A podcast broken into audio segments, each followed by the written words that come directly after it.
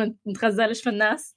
انه أسبوع نسمعش غير فهد بلان آه يعني تقريبا. بلان طيب إحنا إحنا لايف يا جماعة.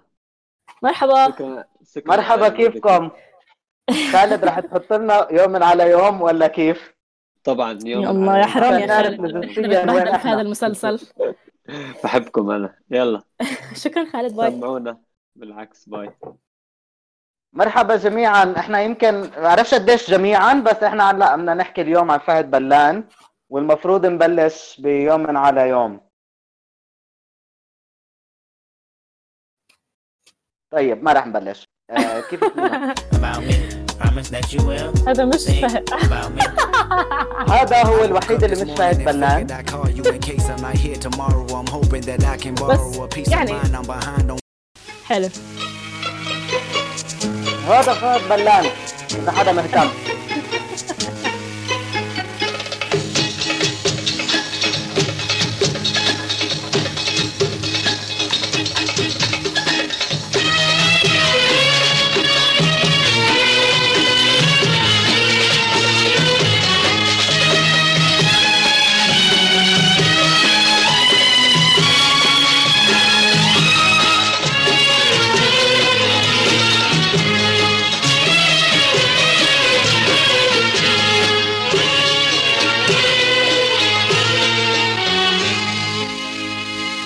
طير ما روح دقدق على كل باب.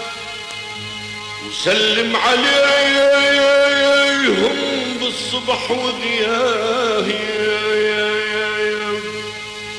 إن شافك وليف الروح قل له أنا المجروح. وقل له وليف الروح بالروح. من صايا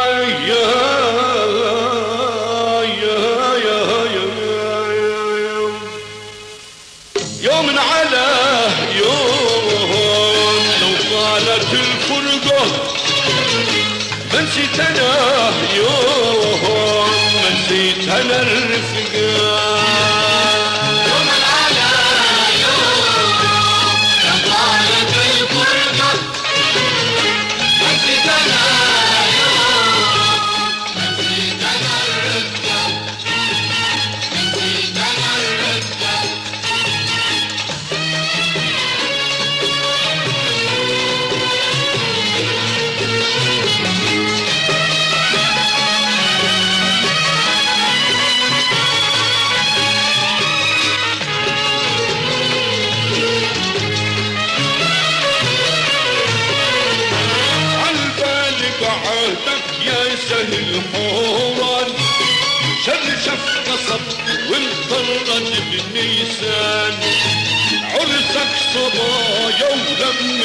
بلان واني غريب اسأل عن الرفقة.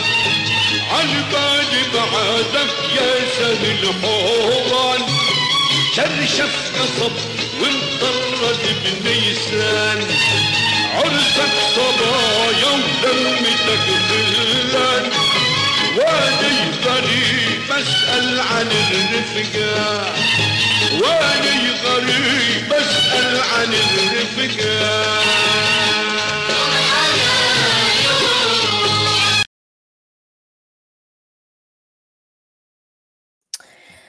فحبينا نبلشكم بأول وممكن من أشهر أغاني فهد بلان على البال بعدك يا سهل حوران. يا من هو السهل هو الجبل و- بالضبط. وحياة أمي يعني هو اللي على بالنا هلأ. آه، بالضبط. حبينا بما انه يعني المسلسل تبعنا فيه نكهة نوستالجيا دايما غصبا عنا تقريبا. فبنبلش دايما بانه نقول اشتقنا لكم يا ناس يلي بتغنوا هيك. آه ويعني ما بعرف كيف بس أنا. يعني يمكن عشان أنا فهد بلان مغني بالنسبة لي مفضل. يعني كل ما أسهر أنا وأصحابي آه بحاول أعمل لهم وصلة من فهد بلان بحاول أغني لهم أجرب أرجيهم انه فهد بلان حسسني إنه أنا ممكن أغني إنه صوتي هذا أبصر إيش ممكن بعبر آه، ممكن آه. بتحس هيك مش بس من آه، مش بس من غناء من تعامله مع الشهرة كمان فهد بلان هاي الاشياء اللي رح أنا بحس. معاه هيك وبحس مع أصالة هيك ما بعرفش كيف يعني صوتي قريب. يا من أصالة يا فهد بلان بس آه كنت بدي كنت بفكر بإنه يمكن كتير حلو نحكي عن كيف بلش فهد بلان، دينا. أم طيب فهد بلان آه، مغني سوري درزي من السويدة. من مواليد ال 1933 و يعني بالنسبة لي مش على الآخر واضح إنه إيش اللي صار بحيث إنه فهد بلان بلش يغني بس اللي اللي اللي, اللي, اللي كثير بنسمعه هو إنه آه يعني بلش كهواية عشان أبوه كان يحب يغني فهو صار يحب يغني يعني بهاي البساطة إنه يعني مش إنه كان في أي نوع تدريس أو أي نوع آه، هذا أم، ففي يوم من الأيام فهد بلان قرر يروح يقدم في دمشق لراديو إذاعة إذاعة دمشق صح؟ هيك اسم الراديو؟ آه صح آه بعد بالضبط. فأول مرة قدم حاول إيش يغني أسمهان. صفته درزي يعني. أم، وصوته كثير قريب على أسمهان. يا ما عم بتخوت. أنا برأيي إنه صوته مش عن جد هالقد بعيد عن أسمهان. يعني تقنيا إنه ممكن كان بيقدر يكون هناك. بس يعني الإذاعة اتفقت لا بس هو مش معي- class يعني فهد بلان. آه. هذا هذا شيء. ثاني.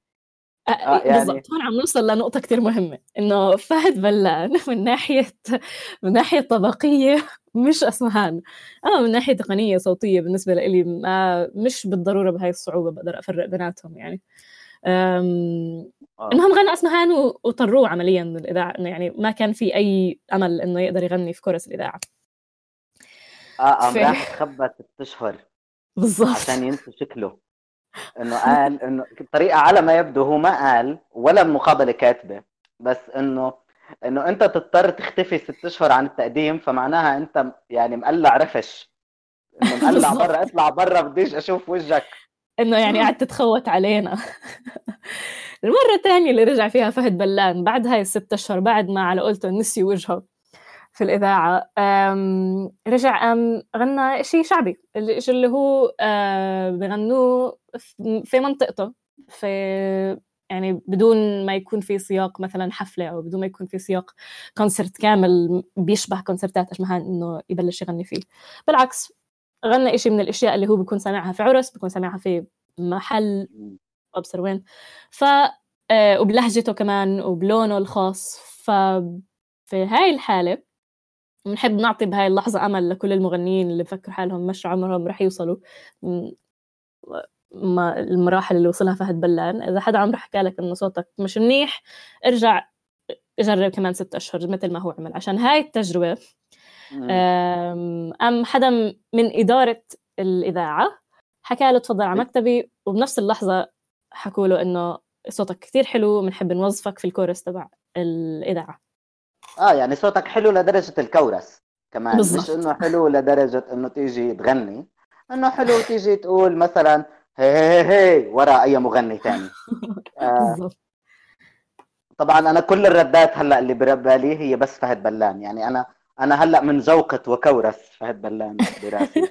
بس اللي ب... اللي بفكر فيه هو إنه لما إنه كان ممكن حدا زي فهد بلان ينرفض ويروح وفجأة يبطل عنا حدا زي هيك. يعني أو بعرفش بس إنه فهد بلان زي فتح الباب لنمط بالأغنية السورية ما كانش موجود يعني مم. أو أو إذا كان موجود فهو كان موجود بالحداية بالأعراس بكذا فهو ب- بطبيعته نقله على الإذاعة ونقله على العالم يعني هو قدم أغاني باللهجة السورية البحتة وباللهجة البدوية الجميلة ل- لتونس ولمصر ولليبيا ول ولسلطنه عمان ول يعني ما كانش عم بغني قدود حلبية كان عم بغني بركب حدك يا الموتور لما لما كان مشهور بتونس أمم.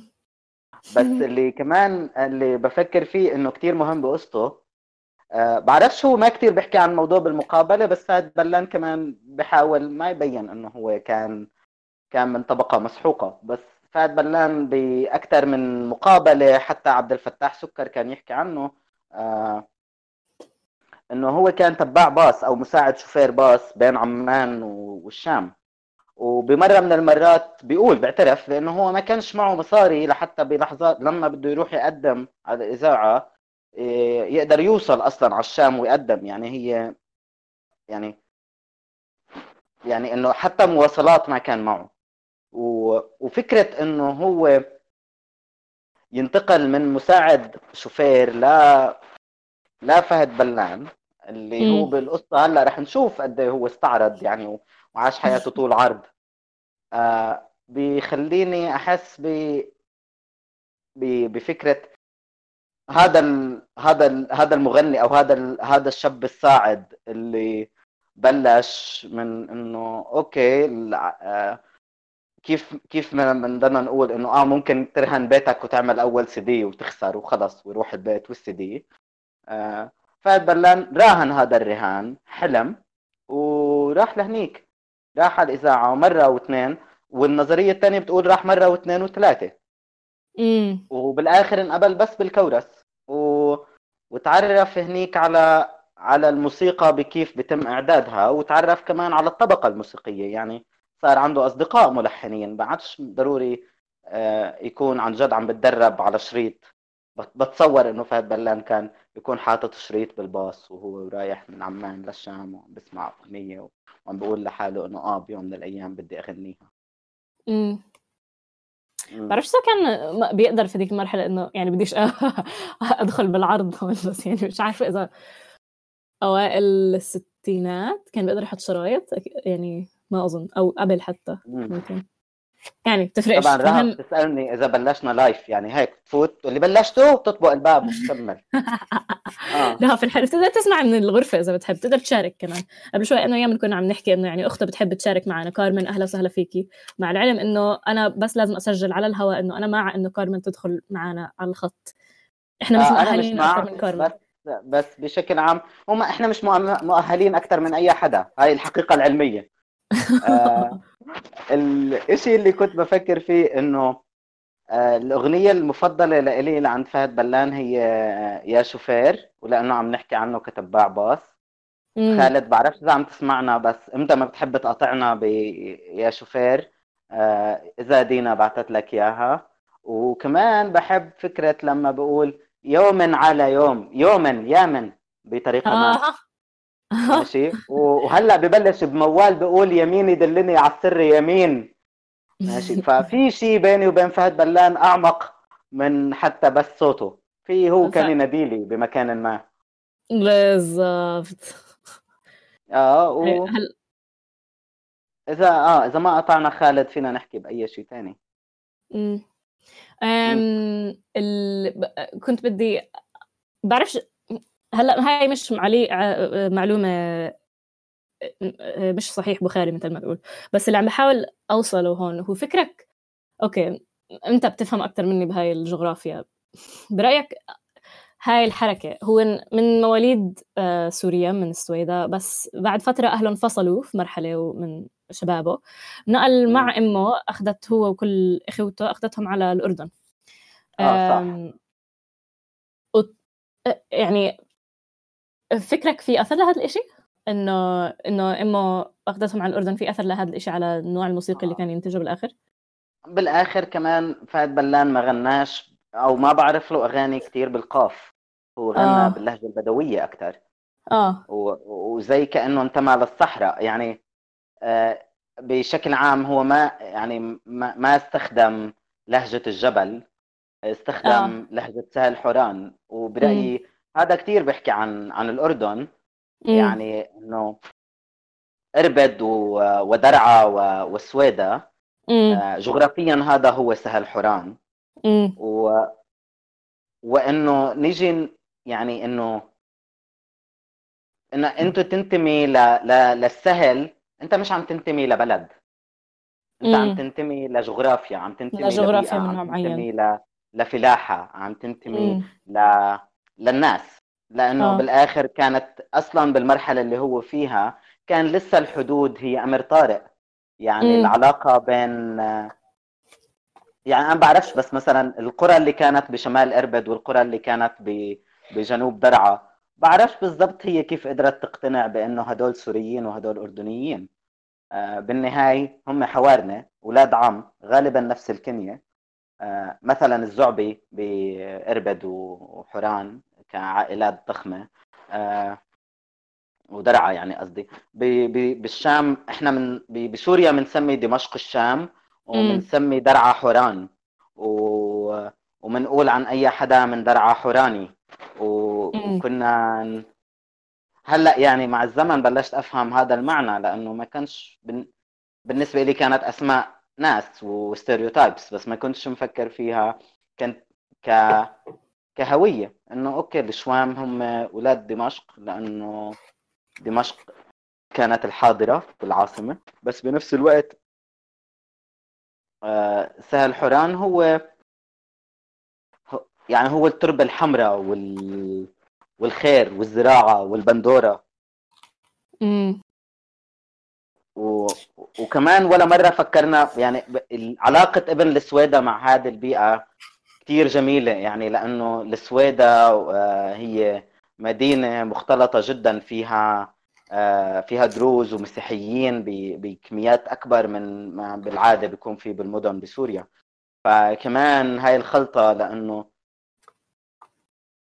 ما بعرف كيف بس إنه فكرة إنه هم ب... ب... العروبة بهاي المنطقة أعلى أنا برأيي أو بت- بحس إنه مثلا الموحدين وبني معروف ماشي هم أكثر من تغنى بالعروبة ب- بتراثهم آه، بجنوب سوريا أو بشمال الأردن بمعنى إنه لعبوا هذا الكرت ل- لانبسطوا وكانوا هم أساس آه، الثورة السورية الكبرى وكانوا جزء منهم آه، كان فيلق ب- بجيش الإنقاذ بفلسطين. هاي المعلومات اللي عندي تاريخية. بس آه، وابن سلطان باشا الأطرش كان واحد من الشهداء بجيش الإنقاذ. و... فهذا الإشي اللي أحيانا ننساه بحياتنا اليومية لما لما بنحكي عن عن كتير أشياء بالهوية. فإنه جغرافيا مش منطق إنه زي ما حكيت يعني هاي الحدود شيء طارئة مش بالضرورة شيء بنقدر إنه ثقافيا نشوفه بشكل هالقد واضح. آه، مع إنه آه، نقطتي إنه أو شيء ممكن لاحظته إنه هو كمان في واحدة من المقابلات اللي شفتها ممكن متأخر يعني. مش مش يعني ممكن في أواخر التسعينات. وهو عم يحكي عن موضوع إنه بالنسبة له من الأشياء اللي ميزت صوته إنه هو مغني سوري بحق. يعني بيحكي عن حاله بهاي الصفة. يعني بيحكي إنه مثلا من أسئلة المقابل بتيجي بتحكي له طيب يا الأستاذ الفنان القدير الفضيل آه، يا أستاذ فهد بلان إيش مثلا إيش الأشياء اللي اللي اللي أنت قدرت تسويها في الأغنية السورية الشامية اللي ما قدر غيرك يعملها؟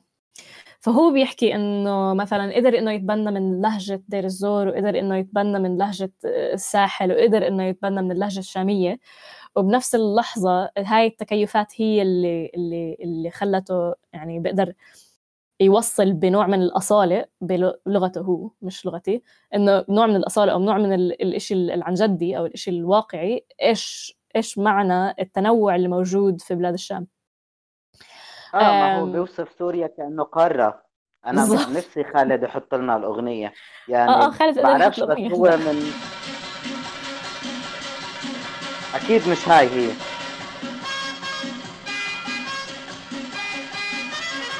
ها هي اللي طلعت معك دينا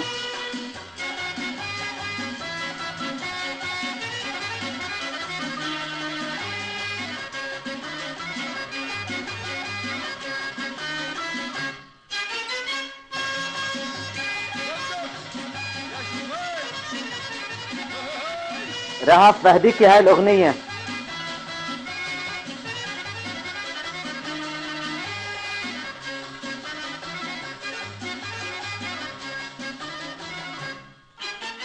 وقف يا شوفير وقف وقف طلعنا طلعنا.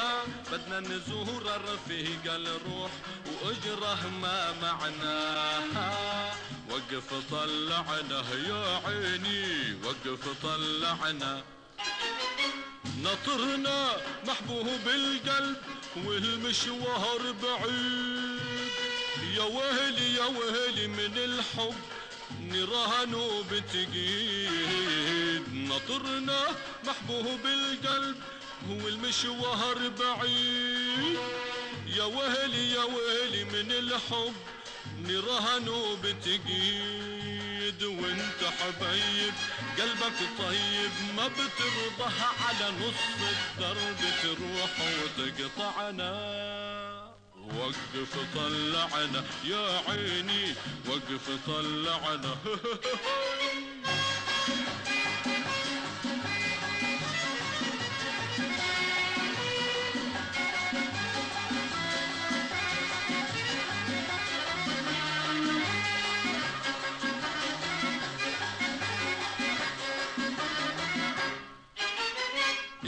مجمع شمل الأصحاب قلب القطر مبين. وصلنا لعند الأحباب حاجتنا تعطيل. يا مجمع شمل الأصحاب قلب القطر مبين. وصلنا لعند الأحباب حاجتنا تعطيل وانت حبايب قلبك طيب ما بترضى على نص الدرب تروح وتقطعنا وقف طلعنا يا عيني وقف طلعنا.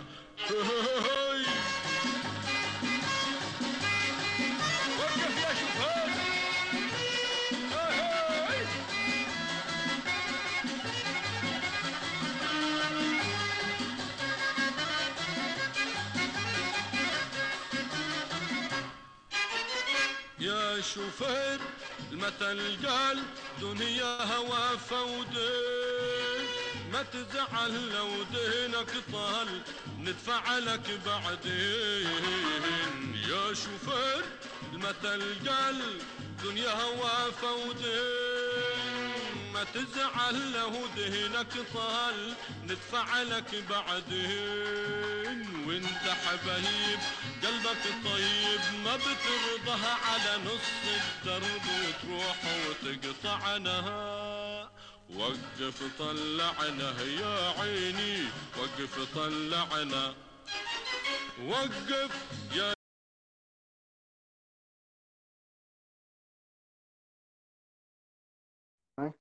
آه, آه هاي أغنيتي المفضلة على الإطلاق بس ال version اللي أنا. بحبها آه هلأ آه بعرفش إذا دينا وصلتك بعثت لك link على الفيسبوك للأغنية اللي هي بتبلش ب... بالموال تبع هاي الأغنية اللي بيقول فيها يمين يدلني على السر يمين يمين أقطع شمال يمشي الحظ يمين تحب نحطها هلأ لا بس فينا نحطها نشاركها مع مع أصحابنا اللي عم بيسمعوا. آه هلا. آه، ونصيحة نصيحة من قلبي إنه أبصر شو اللي صار بس حفلة تونس تبع آه، تبع فهد بلان على اليوتيوب كانت موجودة هلأ موجودة بس بالأول في بدايتها حديث وبعدين هي مدتها تقريبا 57 دقيقة. كانت القديمة ساعة و20 دقيقة. بالنسبة إلي آه، هاي حفلة يعني اللي بحب يسمع فهد بلان يدور عليها اللي بدور على جوجل بلاقي منها أغاني على الفيسبوك وطبعا الأغاني الموجودة على اليوتيوب منها. مذهل فهد بلان لما بيكون سكران وبيطلع على المسرح و... وبذهل الناس. عن جد بس- بتونس شعب كامل. بعرفش قديش بتقن اللهجة السورية بس يعني فرضا بالستينات ما كانش في باب الحارة ما كانش في عنا هاي السطوه باللهجة. على المغرب العربي. إنه هم يرقصوا ويحتفلوا بهاي الأغاني برأيي بيستحق دراسة بيستحق إنه هو شو عمل كيف كيف إنه أحسن تسجيلات لهاي ل- لمغني مثل فهد بلان مش موجودة باستديو مش موجودة بفيلم هي موجودة بحفلاته. امم بس في شيء ثاني في هذا الموضوع يعني أنا أول شيء اظن يعني عندنا نسخة مش برايي جودتها كثير عالية بس نسخة موجودة من حفلة تونس راح نحط منها يا سالمة ب يعني طلب آه. كثير كثير شعبي وبس راح نحطها عشان نسمعه وهو بوقف مش راح نسمع مش راح نحطها عشان نسمعه وهو بيغني رح نحطها عشان نتغزل بفهد بلان كيف ما عنده مانع بتاتا إنه يكون هالقد مرتاح على المسرح مع مجموعة من كل لحظتين بوقف. وبرجع بخلي الموسيقيين اللي وراي يعيدوا. متذكر إحنا في في الحلقة الماضية كنا عم نحكي عن شفيق كبهه كيف يعني كان كتير كتير مسختم مثلا في حفلة ومش عبال إنه يكون في الحفلة. و يعني متضايق متضايق. وبنفس الوقت الموسيقيين اللي وراه والحفلة اللي معاه يعني حاسين معاه بهذا الشعور ومش زعلانين بالمرة. فبحس إنه في شيء كثير شجاع في إنه المغني أو المطرب أو الموسيقي إنه يكون هالقد مرتاح مع حاله إنه يعمل اللي بده إياه آه، موسيقيا. ويبين كل مزاجاته. آه, آه. وكمان بدي أضيف يعني آسف على المقاطعة إنه في ميزة فيه بكيف تلمع عيونه على المسرح. يعني بكل حفلات شفي... آه فهد بلان بكل حفلاته. آه لما بتحضريه live ماشي انت عم تحضري performance أصيل وحقيقي حدا فعليا عم بيحتفل مش قاعد عم بيعمل شغل. يعني آه، وبضل بفكر ب... ب... ب... بكيف بتطلع بالفرقة كيف بضحك مع الجمهور. كيف بيأشر للجمهور ليرقصوا كيف هو برقص على المسرح. آه يعني آه، فهد بلان بمرحلة ما كان مع عبد الحليم و... وأسمهان وفريد الأطرش بنفس العصر كان. مش إنه يعني فهد بلان مش مثل عدوية اجى ما بعد ذلك هو اجى آه اجى بنفس المرحلة بالستينات والسبعينات اجى يعني كان نجم بهاي المرحلة. و... وكان في زي للمسرح تقاليد معينة. شفيق آه فهد بلان على فكرة إذا تفتحي موضوع شفيق كبها مرة ثانية رح انتحر. آه فهد بلان مرة ثانية الله آه، يعينك. انه فهد بلان آه كان عن جد عم بكسر هاي التقاليد وعم بتعامل بأريحية وبطيبة آه زي ما بتقول عنه مريم فخر الدين. ماشي؟ إنه أنا متزوجة طفل كبير هو عن جد أكبر طفل طلع على المسرح. شفناه. ضخم وجهم وصوته جدا آه، عريض وجبلي بس بنفس الوقت هو أكثر حدا طفل ممكن بابتسامته بكيف بتطلع بكيف بيتعامل مع كيف بيرجع للفرقة أحيانا وبس بحرك إيديه أو كيف بحرك المنديل.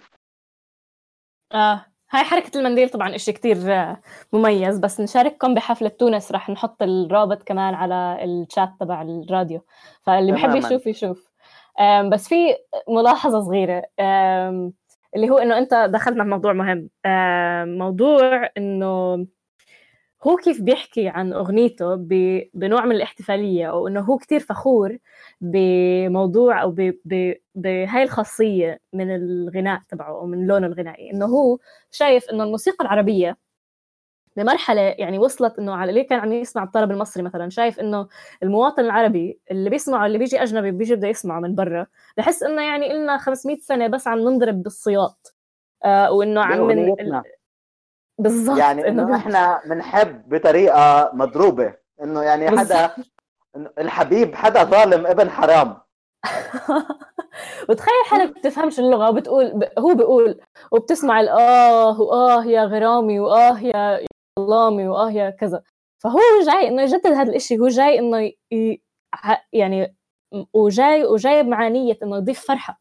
إنه يضيف يعني نوع من البهجة آه. نوع من الشيء اللي هيك مبسوط ونوع من الأخذ بزمام الأمور يعني إنه ما دام مشتاق هو بالضبط حرفيا بقول ما دام مشتاق لها هالقد روح زورها. حاج تحكي لنا قديش أنت بنفسك هي تيجي. بالضبط إنه يعني عم بياخذ ال في شيء بح... تاني عم نوصل له إحنا هون. هلأ ما بياخذ بزمام الأمور بيروح بشوف حبيبته وكمان الحب بصير إشي شوي أقل تابو بصير إشي شوي أكتر هيك إنه بينحكى عنه بالعامية وبصير أكتر إشي إنه أو العلاقة الشخصية اللي موجودة بالعيلة أو الموجودة بين المحبين الموجودة بين العشاق بتصير أكتر إشي إنه الواحد ببطل خايف منه وببطل عم بفكره هالقد إشي يعني بعيد عن العالم وجاي من الفضاء الخارجي. فهو بيجي بيحكي عن الصبية اللي بحبها بشكل هالقد رايق وبشكل هالقد فممكن له هذا الدور الاجتماعي كمان إنه في كتير تابوهات تتعامل معاها وفي كتير شغ- شغلات مش بالضرورة إنه سهل على كثير مغنيين تانيين إنه يتعاملوا معاها هو اجى يتعامل معاها بهاي المستوى من الأريحية إنه يعني مثلا في مقابلة حكى لي يامن عنها إنه آه يعني أنا بحب النسوان والقمار وإيش الإشي الثالث؟ والسيارات السيارات. ما هو كانوا عم بيسألوه عن السيارات بالضبط يا- يا جماعة هذا الزلمة كان يعني هالقد أخذ بمو... كل مواضيعه بأريحية يعني كان آه كان إنسان ج... يعني عم بيتعامل مع أولا أضاف على الحب هاي الاعتيادية بس بنفس الوقت آه هو حدا بيكون قاعد وعم بيحكي عن إنه هدول هم رغباته الثلاثة هو بحب عن جد السيارات والنسوان والإقمار وبعرفش بصراحة قد قد إيه في عنا ناس نجوم شاركت ماشي. فعليا هاي المضامين أو حكت عن هاي المضامين. وخصوصا بهديك المرحلة بهديك المرحلة يعني ال... الناس عاشت طويلا وما عرفت مثلا عبد الحليم إذا كان متزوج أو لا. آه، أم كلثوم مين كانت متزوجة بالضبط؟ أو مين تزوجت بالضبط؟ آه، فريد الأطرش علاقاته مخفية. هو اجى اولا جاب حياته على العلن وفضح ال...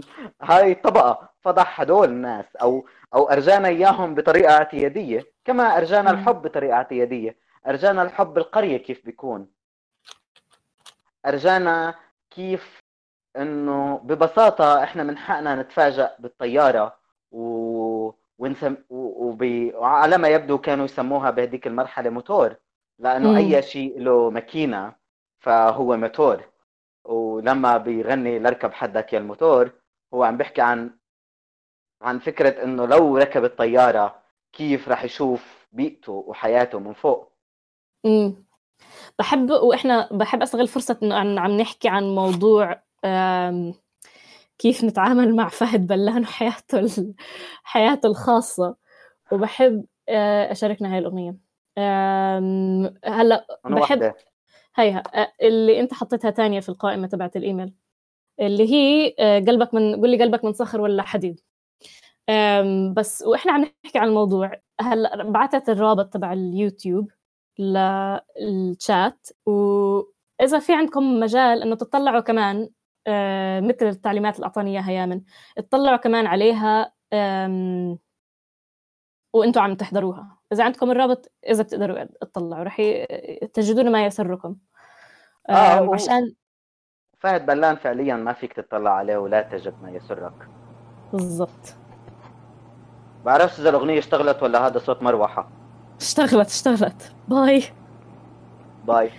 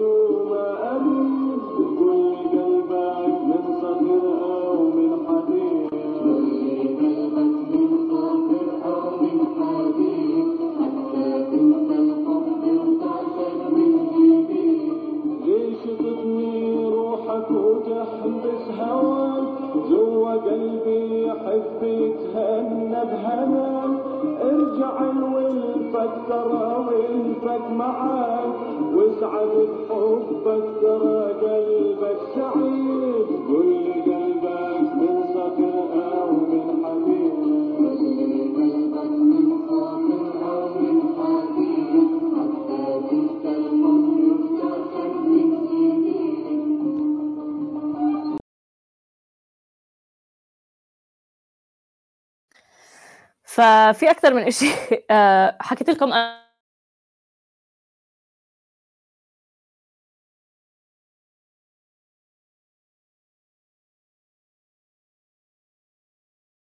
أم شو عمل؟ قال بدي أحط كمان صورة بدي أصور كمان الكفر تبع ال- الألبوم هذا.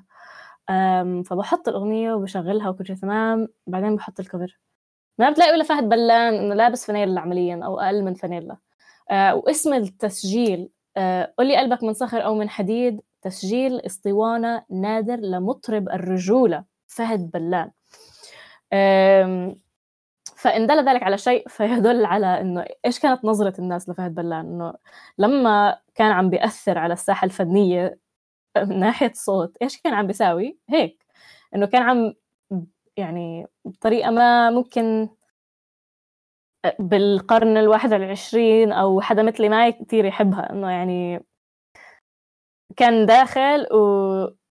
وما عنده أي يعني هو كان دوره إنه بالضبط هو ما عنده تابو. هو واحد بيحكي بالمقابل إنه بحب يلعب قمار هو بالضبط ما عندوش مشاكل مع أي عرف اجتماعي عام. يعني هاي الجرأة هي من صفات فهد بلان مثل ما هاي هي الطيبة. إنه هو حدا لما بيسألوه إنه أنت عملت فيلم فاشل بقول لهم آه عملت فيلم فاشل فاشتريت رولز رويس يعني هو حدا فعليا بيلعب اللعبة بإنه إنه okay أنا مش رح أكذب على الجمهور أنا مش رح أعمل دراما أنا مش شخصية ممثلة. حتى لما بحكي عن فيلمه آه، اللي هو عقد اللولو يمكن إذا أنا متذكر صح اللي هو والصبوحة. بيحكي إنه الأفلام كانت بهاي المرحلة ما كانش في لا سيناريو ولا سكريبت ولا إشي. كنا نطلع ونتفق ونغني. ف هو حدا جاب العادية لا ما يظنه الناس سحرا. آه دينا سامعيني ولا إحنا بس لحالي؟ إحنا سامعينك. آه, آه،. okay. اللي أنا ممكن آه، أخاف لأنه ممكن أكون عامل mute بدون ما أعرف آه، ما تقلقوش. بس بحكي لك إذا عامل mute تخافش. اسألني يعني إذا ما بتحب. تبين امم آم، آه، بس آه آه، الإشي آه، هو هاد بالضبط. إنه إنه بس كان في كمان في هذيك المرحلة اللي هو كان بيشتغل فيها. زي ما أنت حكيت يعني عالم نجومية اللي هو مش قليل نخبوي كتير نخبوي. يعني حياة أم كلثوم بالنسبة لي لحد هلأ إشي شوي لغز. إنه مش بز... مش بالضرورة إشي بقدر بكل سهولة أقرأ عنه وأفهم. أو أشوف مقابلات وأحس حالي إنه تمام آه والله هلأ فهمت إيش شخصية أم كلثوم أو كيف هي أو كيف حياتها الخاصة. أم... كل هذا عالم النجومية آه، جابوا فهد فلان وقام حكى إنه آه طب هدول الناس زي زيهم. ما يعني فيش إشي يعني و... وكمان الألعاب اللي بتنلعب تبعت الميديا تبعت إنه okay بحب إنه يصير عندي رولز رويس بس عشان أورجي الناس إنه عندي رولز رويس هو بيقوم بيجي بيحكي في المقابلة بصريح العبارة إنه آه في توقعات موجودة من ال- المعجبين والمعجبات والصبايا والهذا. إنه آه بحب إنه يكون عندي رولز رويس مش أي شيء تاني يعني. إنه ما ما عنده التكلف تبع إنه يخبي هاي اللعبة تبعت الإعلام أو كيف الواحد بيكون نجم وكيف هذه النجومية ممكن تسيطر على حياته. بينما حدا مثل عبد الحليم أو حدا مثل بعرفش مين كمان هلا آه، يعني إنه الحدا اللي هو كان عبد الحليم أسمهان ليلى مراد امم هو كان بهاي المرحلة كان بمرحلة لما كانت آه، يعني كانوا بيغنوا ليالي الأنس في فيينا هو كان عم بغني واشرح لها عن حالاتي. بهاي البساطة هو كان عم بيقول إنه أوكي تمام ليالي الأنس في فيينا ممتازة هي هذا الحلم بس الواقع أشرح لها عن حالتي. روح يا علي كلها. ها ها. okay خلص ها ها ها ها. بس كنت أقول إشي تاني كمان إنه ما بنفع ابدا نحكي عن فهد بلان وما نحكي عن عبد الفتاح سكر. صحيح. خصوصا آه. إنه عبد آه تفضلي بس يعني مقدمة صغيرة. هلأ وإحنا بنحكي عن إيش الأشياء اللي اللي تعلمها فهد بلان وهو بغني في جوقة آه، إذاعة دمشق. هاي من الشغلات اللي اللي اللي, اكتسبها بلاش تعرف عليها. بالضبط. آه آه. عبد الفتاح سكر كان يعني آه، قريت مقالات عن عبد الفتاح سكر بتحكي عنه إنه أبو الأغنية الشعبية ممكن نضيف إنه الأغنية الشعبية الشامية. آه، من الملحنين اللي كثير مهمين للأغنية الشعبية. تفضل يمن آه وعبد الفتاح سكر يعني آه كان بحاجة شريك لحتى يبدأ. يعني أنت بحاجة لحتى تكون ملحن ناجح لازم يكون عندك تجربة ناجحة. فهذا التزاوج وكيف هم بيحكوا عن بعض هم بمرحلة من المراحل ما كانوش بيطيقوا بعض بس ضل الاحترام موجود لأنه فهد بلان وعبد الفتاح سكر كانوا بلشوا سوا. إنه أول أغنية ناجحة لعبد الفتاح سكر هي أغنيته آه، واشرح لها مع فهد بلان. بعدين عبد الفتاح سكر صار أبو الأغنية الشعبية السورية وفهد بلان صار آه، الأغنية السورية بالمجال العربي. بهاي اللعبة لعبوا الاثنين. آه، طبعا عبد الفتاح سكر لعب مع دياب مشهور يعني ألحن لدياب مشهور مثلا. أغنية آه، أنا نسيان أسماء الأغاني حاليا أنا بس فهد بلان آه، بفكر بس آه، لحن لمغنيين زي دياب مشهور زي كمان ل... هلا نسيان ما مشكلة آه، بس إنه بشكل عام حتى هاي الشخصية آه، بالعادة الملحن ما بيكون واضح بالأغنية بس فهد بلان أصيل لمرحلة مم. إنه عبد الفتاح سكر قدر يحصد كل هاي النجاحات مع فهد بلان مية بالمية. آه بس. بتذكر إنه أول أغنية لفهد بلان كانت آه يا قليبي بعرفش إذا إحنا ناويين نشغلها. بس كتير مهم نشوف كيف فهد بلان بنص الأغنية بيحكي عامي بيحكي عادي بيحكي إنه إنه وايش قال لك أبوك؟ آه إذا بتحبوا دوروا عليها آه يا قليبي اسمها بعرفش إذا دينا حطيتها بال playlist مش مشكلة. موجودة هلأ أعطيني بس ثانية أرجع اطولها أو أو, آه. أو خالد بعت لك إياها في الإيميل بس مش متأكدة انه إيش عندي سؤال يعني بما إنه إحنا عم نحكي عن هذا الموضوع على الهواء بدي أسأل إيش برأيك دور أغنية أغنية ينخيلة؟ آه كنت أقول إنه حضرت مقابلة ل... لعبد الفتاح آه سكر وبيقول فيها إنه هو آه أخذت منه البني أهم هذا اللحن اللي هو آه ينخيلة. خالد إذا ممكن تحط لنا ينخيلة؟ ممكن ينخيلة تحط هي اللي مقطع؟ الموجودة هلأ في ال playlist بعد بعد آه هي المفروض تكون الأغنية الثالثة. مهم. هي. آه آه ففيكم تشوفوا إنه ال Boney M اخذوا هذا اللحن. يعني شوفوا Ma Baker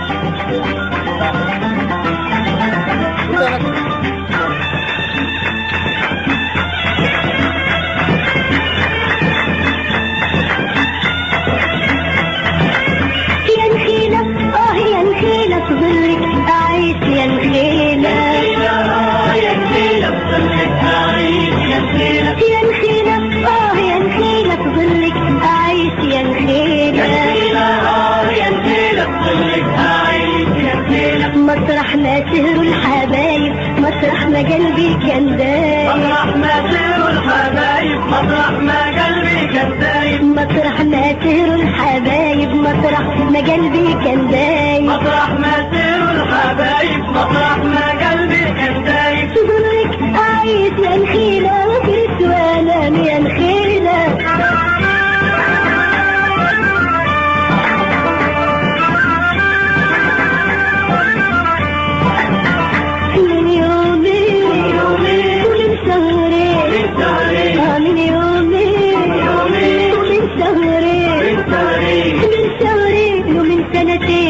حبي فين؟ حبي فين؟ من شهرين ومن سنتين أنا حبي فين؟ حبي فين؟ مطرح ما سيروا الحبايب مطرح ما قلبي كان دايب. مطرح ما سيروا الحبايب مطرح ما قلبي كان دايب. مطرح ما سيروا الحبايب مطرح ما قلبي كان دايب. مطرح ما سيروا الحبايب مطرح ما قلبي كان دايم في زورك يا الخيلة وفرت وأنا من الخيلة.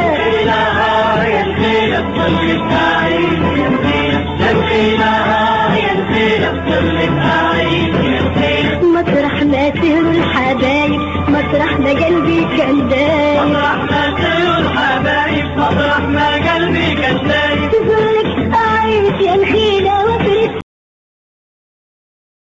فيا من كان عم بيحكي قبل ما قبل ما نبلش الأغنية كان عم بيحكي هاي م- الأغنية متلحين آه، عبد الفتاح سكر ملحن الملحن الأساسي أو الملحن اللي اللي بلش معه آه، فهد بلان فهالأغنية عبد الفتاح سكر يدعي وأنا إحنا مش متأكدين آم، يدعي إنه بوني إم سرقت منه اللحن.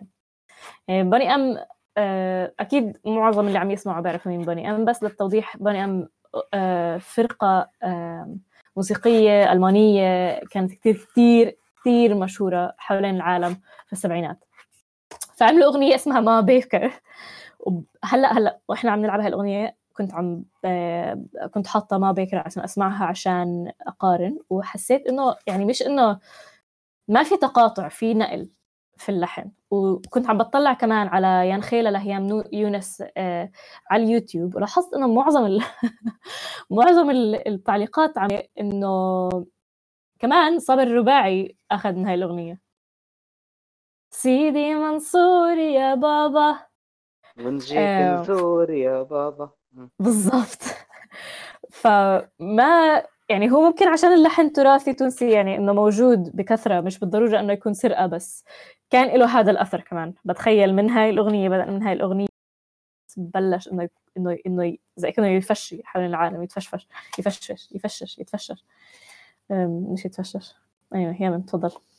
آه بس هذا كان بالنسبة لي إشي غرائبي. بعرفش يعني مش مش رح أقعد أبحث بس أنا رح أحتفل بعبد الفتاح سكر اللي اقتبسوا منه ما بكر آه، أغنية. وهو بيقول إنه أنا مبسوط جدا إنه هم أخذوا مني هذا المقطع. هو ما كانش متواضع بكيف حكى عن إنه هم أخذوا الأغنية. مم. بس آه، بس بالنسبة لي كان لطيف. بس اللي بدل بفكر فيه إنه كتير جميل آه، هاي العلاقة بين آه، فهد بلان وعبد الفتاح سكر لأنه آه، كل نجاحات أو كل الأغاني اللي كانت جدا مشهورة لفهد بلان هي كانت تلحين عبد الفتاح سكر وكل أشهر أغاني عبد الفتاح سكر كانت هي لفهد بلان. فهذا هاي علاقة جدا جميلة فيها الاثنين عم بيعطوا لبعض ما حدش عم بي عم بي يعني عم بيميز أو بيمنن على الثاني أو بيعطيه للثاني أكبر من حجمه. آه كنت بدي بس أقول إشي. أنا بحب آه أشكر آه اللي ساعدني بالإعداد لهي الحلقة محمد عميره مع إنه ما بنشكر لا على خير ولا على شر. تفضلي. يا الله. اللي من قبل امبارح بنق. طيب. أم وأنا بحب اللي اللي ساعدنا بإنه ننشر إنه هاي الحفلة ال- الحلقة موجودة اليوم. محمد عميرة. مع إنه طيب خلص بكفي عن. محمد عميرة. كملي كملي. طيب أه، فهد بلان بدي أحكي شوي نبذة عن مش يعني نبذة بس إنه يعني شوية معلومات عن حياته. اللي هو بالنسبة لي كان شوي إشي مفاجئ إنه هو من الناس اللي كان يتنقل بين كتير أه، علاقات. فمثل ما حكينا قبل شوي بنحب نأكد أه، كان مثلا بيعطي نوع من العادية لأنه الواحد ممكن يكون مصاحب ممكن يكون متجوز ممكن يكون بده يحب ممكن كذا. ف كان عنده خمس زيجات في حياته. هاي من الأشياء اللي تعلمتها وإحنا بنعمل هذا البحث أنا ويامن. وكلياتهم كل هاي الزيجات كانت بتشير لأنه هو حدا مش بالضرورة عادي يعني بيقدر إنه يصيد مين بده تقريبا إذا بدنا نستخدم هاي اللغة كان بيشبه يعني. يقبر قلبي شون كونري والله العظيم إشي بيذبح. يعني هذا الشاب لما كان شاب فهد بلان كان واحد تتمناه تمني إلفيس بريسلي على شون كونري مع بعض على أسمر على عيون سودا إشي بذبح الله يعني الله يخلي الله يخليه للسويدة وسوريا ومصر والعالم العربي كله والله كان. فمن ال- الناس اللي وقعوا في فخ الغرام لفهد بلان هم سمي يعني يحكى إنه من الإشاعات إنه سميرة توفيق آه، كان متزوج من صباح وتزوج كمان. احكي معي يامن م- مريم فخر الدين. مريم فخر الدين أهم حدا. آه، هلا قبل شوي يامن كان. آه، نسيت إيش اسمها آه، أمال عفيش. آه. فهو يعني تقريبا معظم زيجاته كانت مع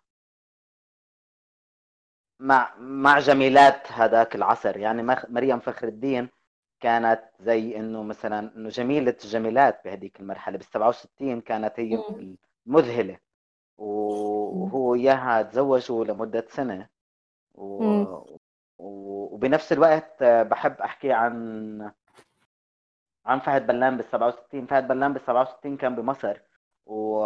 وكان يغني من دون ما ياخذ أجر علشان يدعم بريع حفلاته آه، ال- الحكومة اللي عم بتخوض الحد و- مم. وبصراحة في هاي الأصالة المرعبة يعني هو فلس تقريبا وهو كان عم بحاول يغني لأنه كان كان عم بحاول يدعم قد ما بقدر ويعمل دوره كان عم بحاول يقوم ب- بدوره الوطني بهاي المساحة مم. وهذا بنفس السنة طبعا اشترى الرولز رويس بس اشترى الرولز رويس ضل يغني ببلاش ففلس هو هالقد كان إنسان ب- بطبيعته عايش ما كانش فارق كتير معاه يعني هو ما كانش عم بيسعى ليكون غني كان عم بيسعى ليعيش حياته للآخر مم.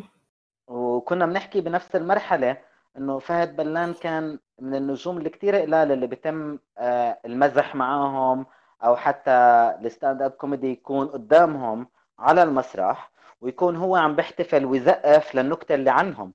و... و... بي... وكانت النكت عنه بطريقة تحكي قد إيه هو شعبي قد إيه هو عادي قد إيه هو قد إيه كيف كمان طريقته بالغنى ما كانتش مألوفة. يعني أسلوبه بالغنى كان مثير للغرابة بمصر. أو وبنفس الوقت كمان أنا لقيت أغنية لفهد بلان باليمني. نسيت إيش اسمها بعثت لك إياها دينا على الماسنجر. زمان الله ابعت. والله نسيت إيش اسمها. آه بكل الأحوال مش مشكلة يعني. هلأ هلأ بكون دبرتها وحطيتها على الشات. آه. بس بكل الأحوال آه هو كان قادر يلعب هاي الكروت. وبنفس الوقت فهد بلان شهرته بدأت. وبنفس الوقت آه، راح على السينما.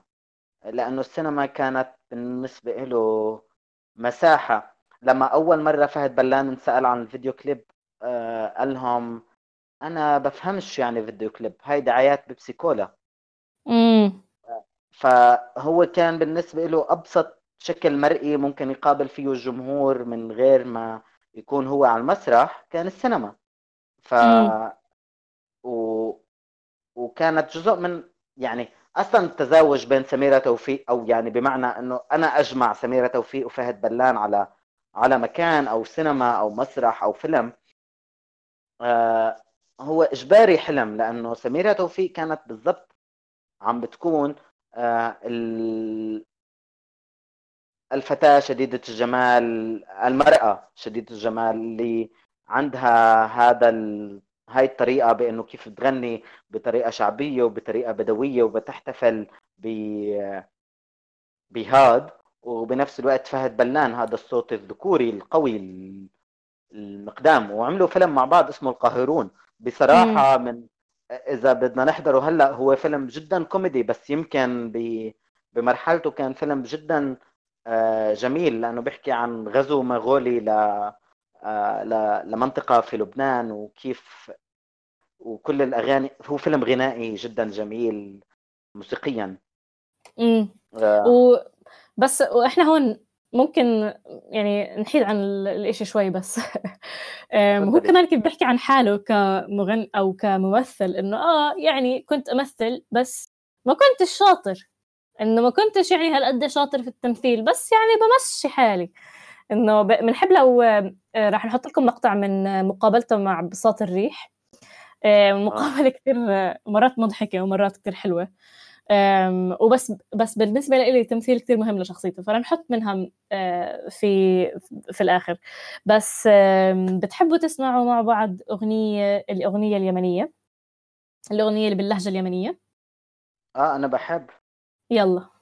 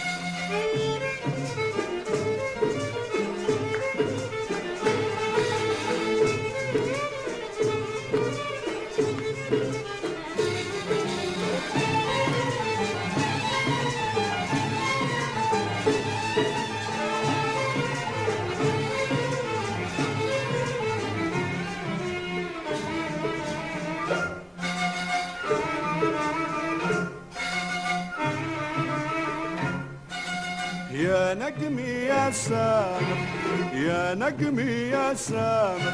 سامر فوق المصلة سامر فوق المصلة. كل من معه محبوب وهنا هديه يلا هديه يلا هديه يلا هديه يلا. نجمي يا سامر يا نجمي يا سامر. سامر فوق المصلة معه محبوب وأنا لي يلا لي يلا لي يلا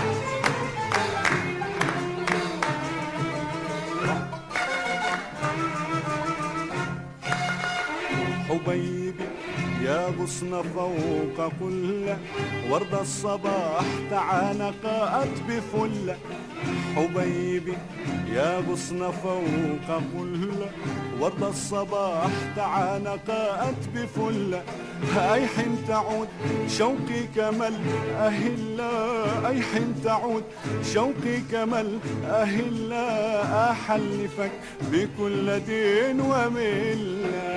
نجمي يا سامر يا نجمي يا سامر. سامر فوق المصلى سامر فوق المصلى كل من معه محبوب. وأنا لي يلا. لي يلا. لي يلا.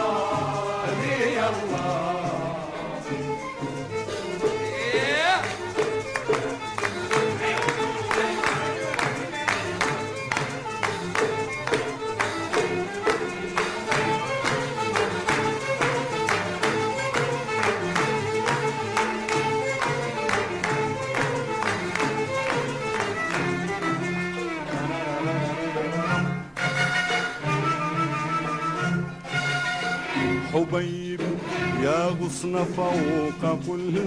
ورد الصباح تعانقات بفلة حبيبي يا غصن فوق كل. ورد الصباح تعانقات بفلة أي حين تعود شوقي كمل أهلا أي حين تعود شوقي كمل أهلا أحلفك بكل دين وملة. نجمي يا سامر يا نجمي يا سامر سامر فوق المصلى سامر فوق المصلى كل معه محبوب وأنا لي يلا لي يلا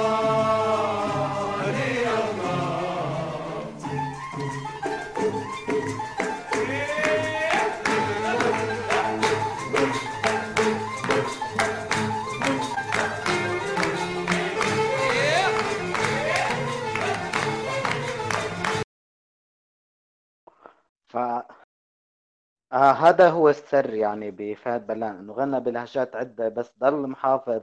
على لهجته بقلب اللهجات. هو عمل زي تزاوج بين اللهجات. حتى لما فهد بلان بغني بالمصري آه بي- ببين إنه هو بيحكيش مصري. هو هو ما عملش زي فريد الأطرش آه، بمعنى بإنه إحنا بننسى بإنه فريد الأطرش أصلا مش مصري وهو نحن بنسمعه. أو أو مثل أسمهان أو أو مثل كثير مغنيين. هو لما بيغني بلهجة نقدر نكشف بمرحلة ما إنه هو آه، مش يمني ولا مصري بس هو بيغني وبيحتفل بهاي اللهجات وبيغني بهاي الشعبية وبهاي اللطافة. وكل مع المحبوب وأنا لي الله. دينا أنت معي ولا أنا إلي الله؟ معك بس عم بحاول أعطيك شوية يعني راحة إنك تحكي كيف بتحب يعني. لا آه، أنا بشكل عام بحبش الراحة. لا أنت أريح آه، حدا. آه آه بس بحب أشعر بالقلق طول وقت الحلقة. لا حاسسك عم تتخوت علي عشانك عشان أنا هيك. آه ما أنت بتأتي أكثر من يعني تقريبا ما بعرف إيش بصير معك بنص الحلقة.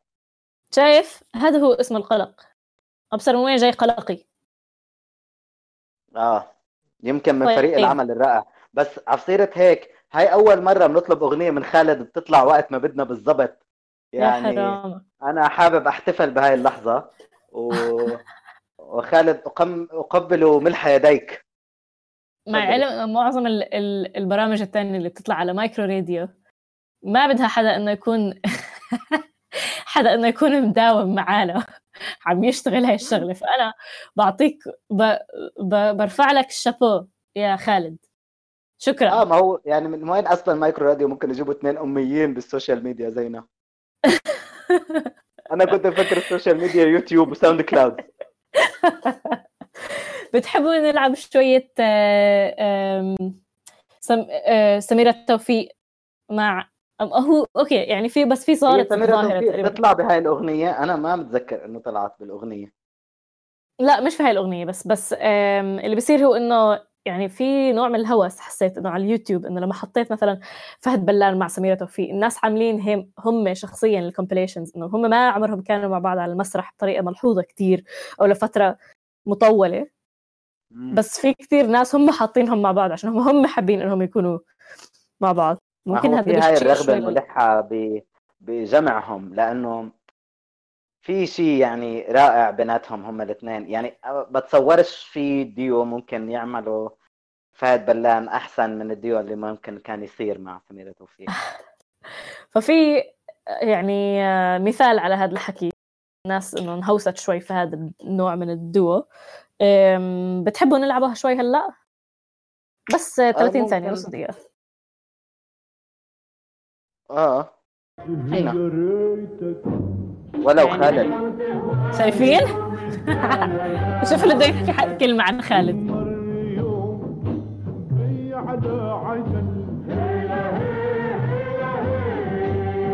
ارمي السلام واصحب الخجل يا ريت تقول ولو كلمة غزل تلقاني دوب بروحي.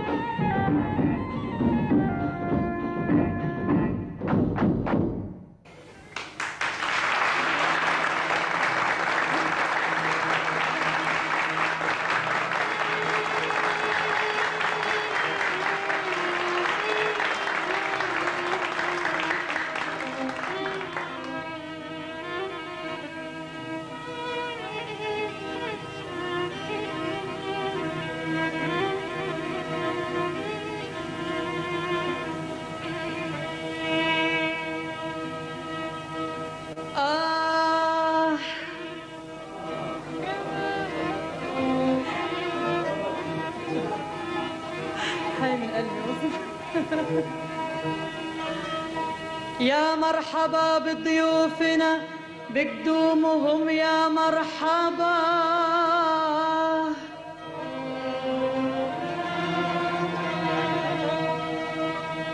يا مرحبا بالشرفوا دار اللي هم يا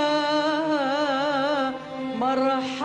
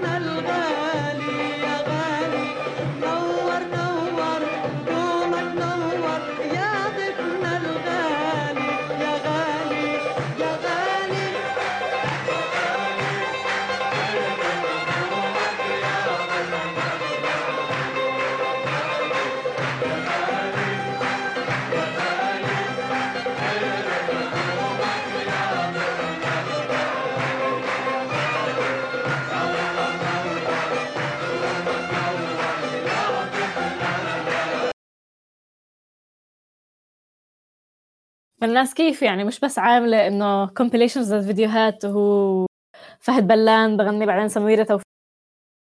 بس حاطين كمان المقاطع من أغاني سميرة توفيق وأغاني فهد بلان اللي هي عندها هاي الإيحاءات تبعت إنه آه يا غالي وآه وآه. ففيها هذا وهاي الآه من قلبي. بالضبط. آه لأنه يعني أنا بالنسبة لي إذا فهد بلان بس برر وجود سميرة توفيق فأنا رضيان مية بالمية. ومسامح على كل شيء تاني. آه وبصراحة يعني آه، بعرفش بس إنه فهد بلان عن جد زي فتح طريق ل... لنمط أغنية ما كانش مفتوح قبله ما كانش ما كانش مقبول يمكن كتير المجوز واليرغول آه ب... على المسارح يعني بتذكرش أنا أم كلثوم غنت وراها يرغول يمكن عبد الحليم حاول آه، يدخل بعض الآلات مثل المزمار الصعيدي ببعض الأغاني بس آه، بس آه، فهد بلان ما كانش عنده أصلا يعني آلة أساسية زي هدول. يعني إنه ما ما ما كان تعامله مع هذا النمط من الموسيقى كاستشراق كان تعامله مع الموسيقى إنه هاي آلة أساسية. أنا بدي هاد. أنا بدي يرغول ومجوز ويعبي الساحة وي- ويطرش الناس قبل ما أطلع وصوتي بيعرف يعبي المساحة اللي فوق هاد. مية بالمية. بس ب... أه، بالنسبة لي في كتير إشي حلو بأنه أم، بينما الموسيقى ال- ال- الغرامية المصرية تبعت الآه والآه زي ما هو وصفها فهد بلان كانت كتير م- معنية بهذا المزاج تبع ال... ال... تبع الراس تبع إنه آه الواحد مطروب. الموسيقى واو، تبعت فهد الواحد مضروب. بالضبط. واحد مطروب ومضروب. الموسيقى اللي أنت وصفتها هلأ إنه يعني ممكن تطرشك يعني إنه تحط هذا المزمار آه، أو المجوز. إنه هاي النوع الموسيقى بالضبط فيها إشي عكسي إنه الواحد بده يحس حاله قاعد مع جماعة مش بس قاعد لحاله مش بس قاعد لحاله وقاعد مثلا بيشرب كاس أو شيء هيك بالعكس قاعد مع مجموعة من الناس اللي هم كلياتهم بدهم يشاركوا هذا النوع من الفرح أو انه هذا النوع من آه. الاشتياق هو هو آه. هو بغني لحالات السكر الجماعي ما بغني لحالات السكر الفردي مثلا بصحة فهد بلان وين ما بيكون هلا بالسماء بالأرض وين ما بنآمن. صحيح. صحتي امم كملي. أم أم، إيش كمان؟ بعرفش أنا آسف إني قطعتك لدرجة إنك نسيتي بس آه، ما كان أظن هيك هيك هي كانت كل ال- ال- اللي بدي أحكيه. عم يوصلنا آه، أول شيء بدي ممكن بس آه، مشاركات الجمهور هو إنه آم، ما إنه حكينا بأول الحلقة عن كيف إنه أختك كارمن بتحب تنضم لنا صار في نوع من الغيرة بنقدر نقول. إخوتي كمان بحبوا ينضموا لنا. قصدي على وممكن أختي. ولا فكرت في غيرة على أختي. خفت. في غيرة. مين يا يا حسرة مين بده يغار على كارمن. آه ما بتعرفي. بس كمان كنت أقول لك على سيرة الجمهور في حدا بعت لي مسا- message قال لي هي مسمية حالها بنت امبارح. فبنت امبارح ما جاليش نوم. بنت امبارح ما جانيش نوم. هذا ممكن أكتر رسالة بتوصلني بنت امبارح ما جانيش نوم. ممكن ممكن اسمع شو رأيك ال- الحلقات الجاي. الحلقة الجاي رح تكون عن بدرية الموجي أو بدرية نسيت إيش اسمها الأخير. بدرية السيد. بدرية السيد آسفة. الحلقة اللي بعدها ممكن تكون على السيد مكاوي. تحب؟ أنا أنا أتمنى مش بس بحب. طيب. وفي هاي اللحظة بحب أستغل الفرصة إنه أت- أ- أطلب أترجى من الجمهور إنهم يقترحوا لنا أسامي آه، مغنيين شعبيين من بحبوا إنه نعمل عنهم هاي الحركة إنه نعبر عن مشاعرنا آه. مثلا لا يا جماعة آه. إحنا مش يعني جماعة مضيعة عمرها بالموسيقى إحنا عادي ناس تشتغل فإنه إذا حدا عنده أغنية بحب انه أو موسيقي أو أي حدا بحب يطرحه يطرحه و...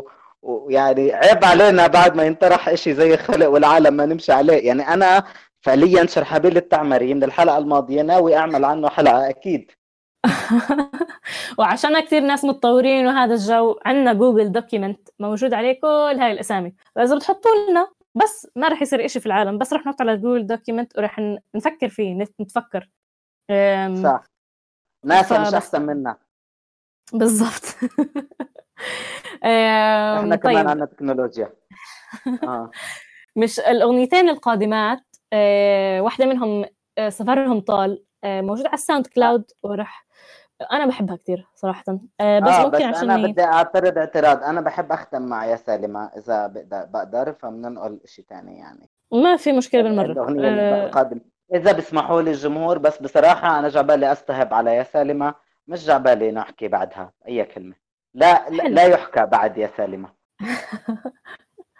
آم، فممكن هلأ يا سفرهم آه، سفرهم طال آه، ويا سالمة لبعدين مش ضروري هلأ. آه، سفرهم طال موجود على SoundCloud مش عارفة إذا رح الصراحة تض- تزبط يعني هلأ. مش مشكلة كتير بس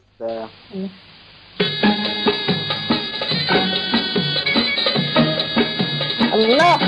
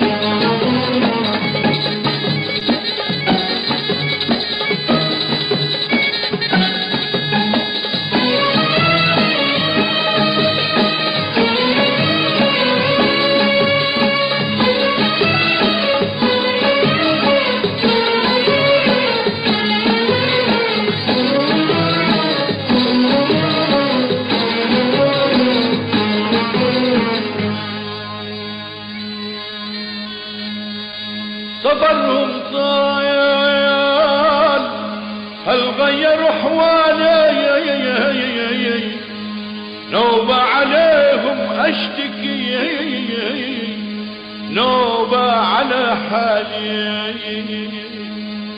صبرهم طال هل غير احوالي نوبة عليهم أشتكي. نوبة عليهم أشتكي. نوبة على حالي. صبرهم طال هل غير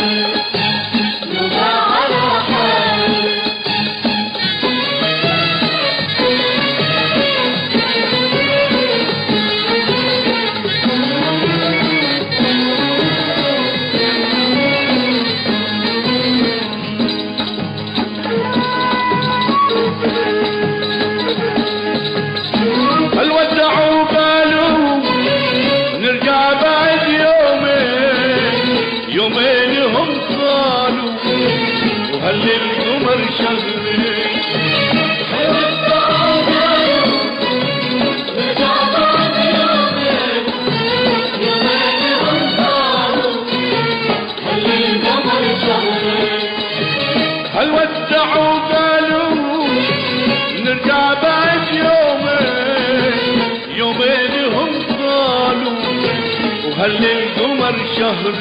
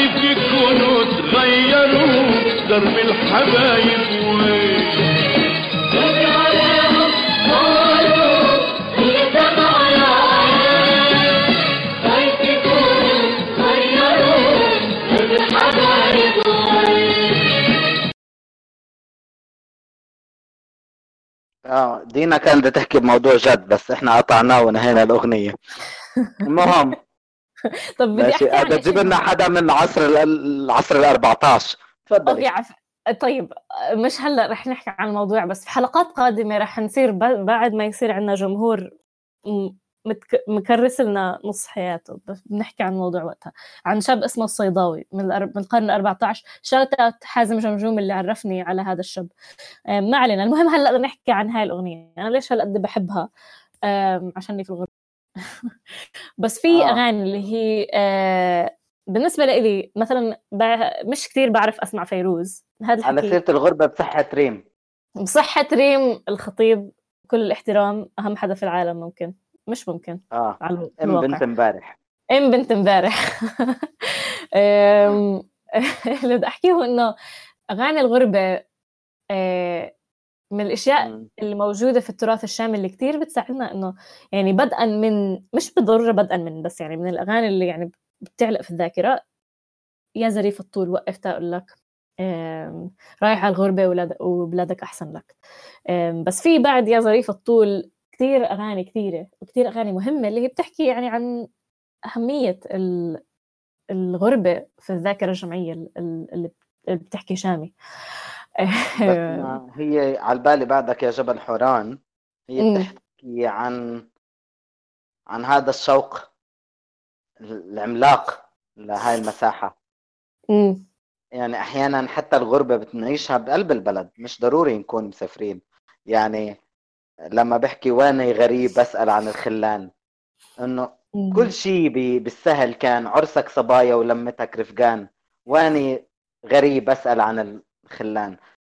هذا. مرعب إنه واحد ما عندوش خليل ما عندوش صديق ما عندوش إشي خارج سياق السهل أو خارج سياق البيئة تبعه. وأحيانا البيئة تبعنا هي اللي بتتغير مش المكان. أنا آسف على المقاطعة دينا بس بدك تسامحي. ما بيطلع يعني بس- شيء بالضبط. هاي شايفين كيف الواحد بيستغل إنه أنا مثلا في الغربة؟ لو إني في البلد كان خبطت بس أنا في الغربة. فاللي بقدر أسويه هو. إنه أذكركم إنه إنه هاي الحالة بعرفش كيف يعني هالأغاني بت- بتضاين مثل ما نقول. يعني إنه من من سنة ال ال 67 من سنة الكذا لهلأ وأنا بسمع هاي الأغنية وبحس إنه طب أنا بالضبط الله أكبر. يعني. قد إيه عمرك؟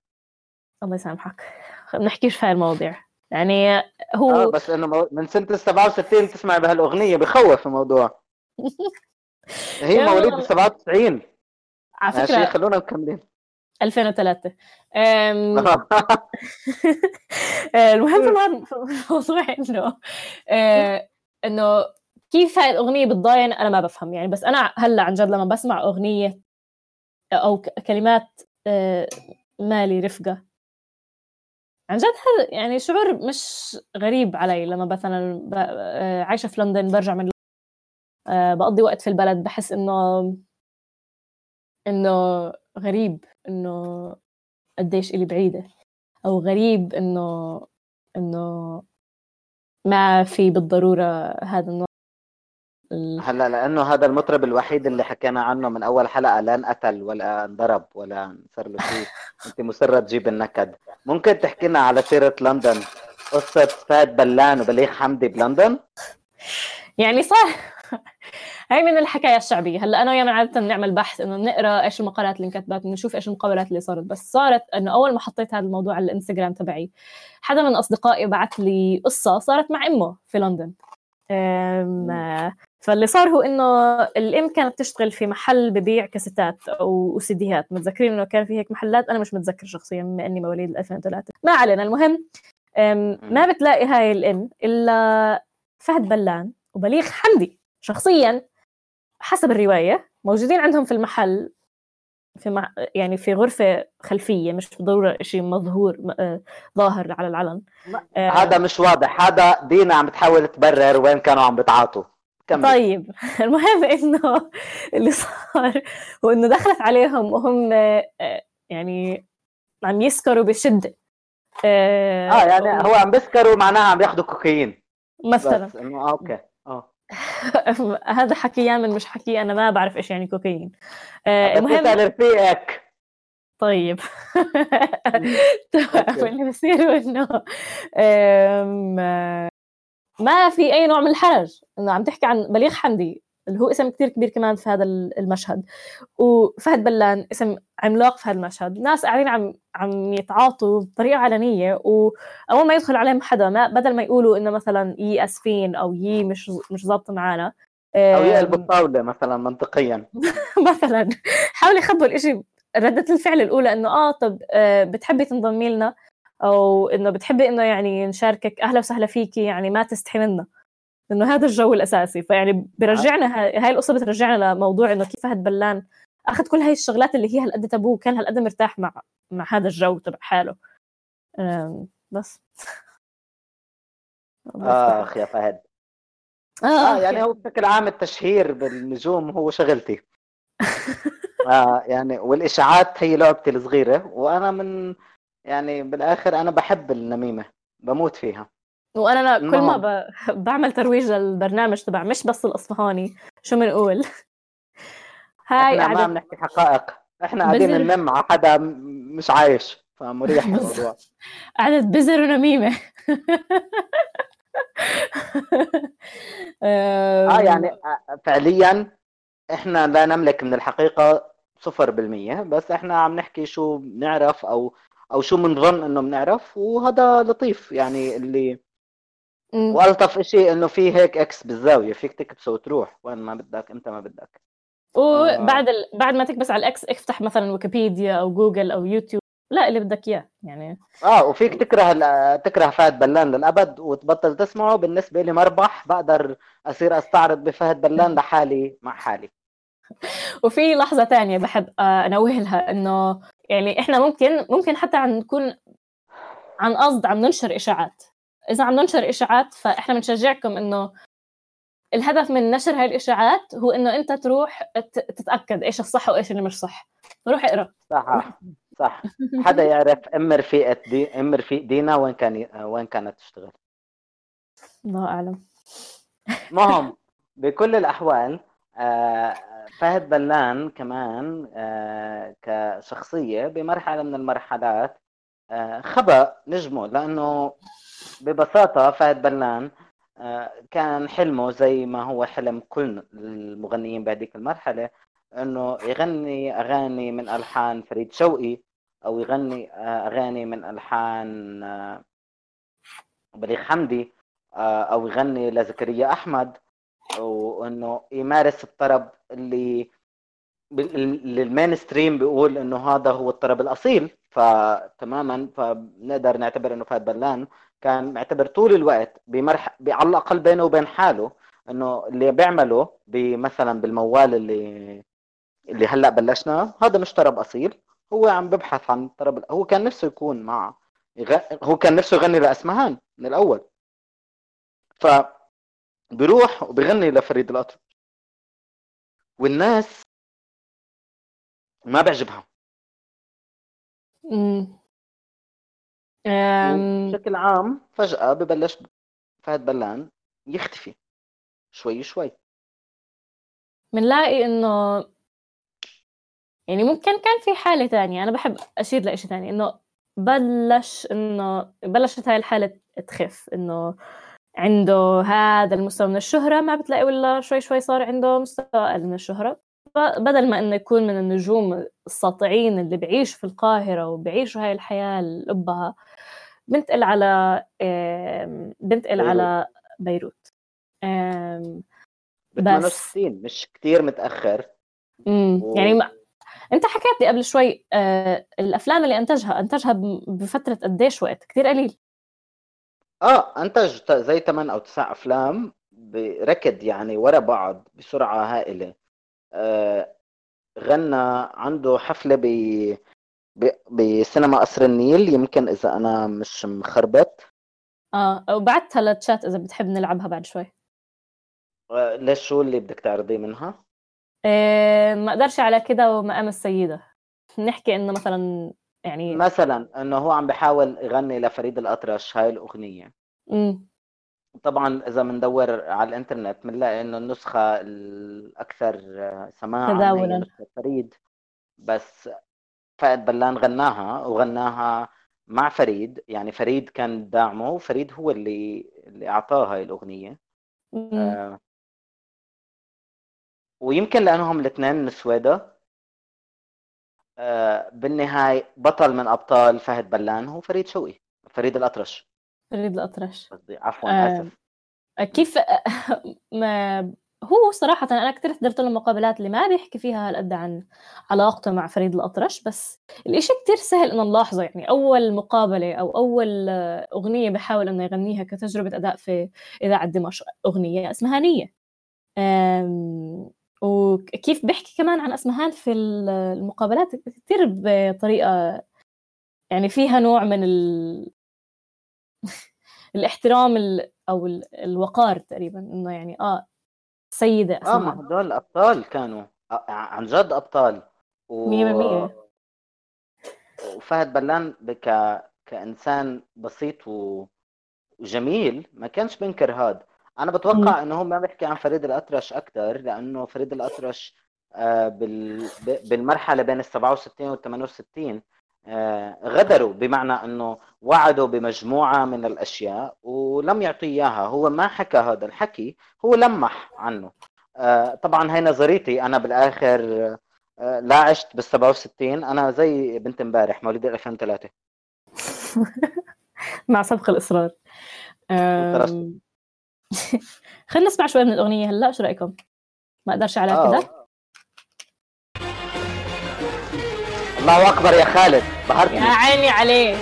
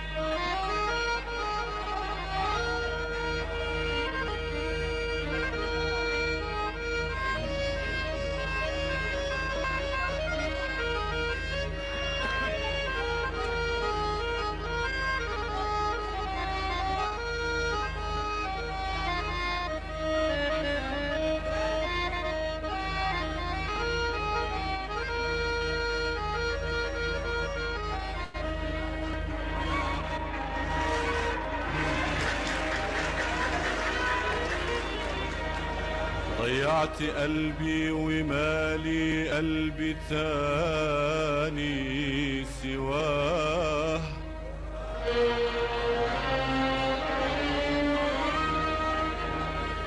أوهب حياتي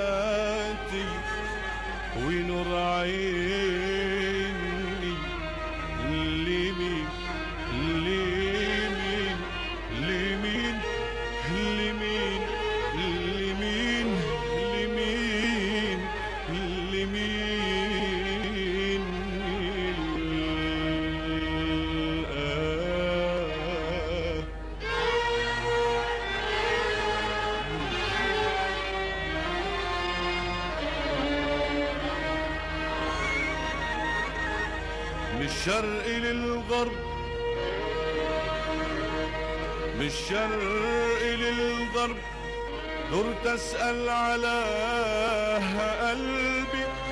أتاري بنت العرب طول عمرها ملكاه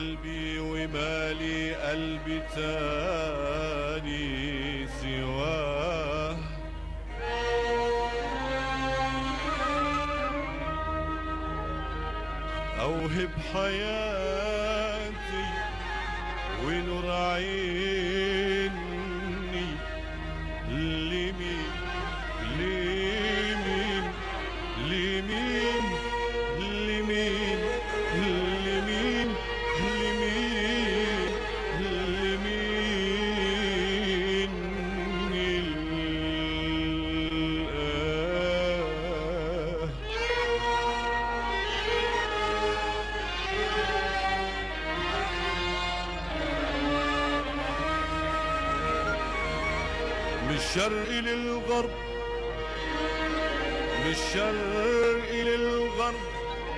دورت اسال على قلبي اتاري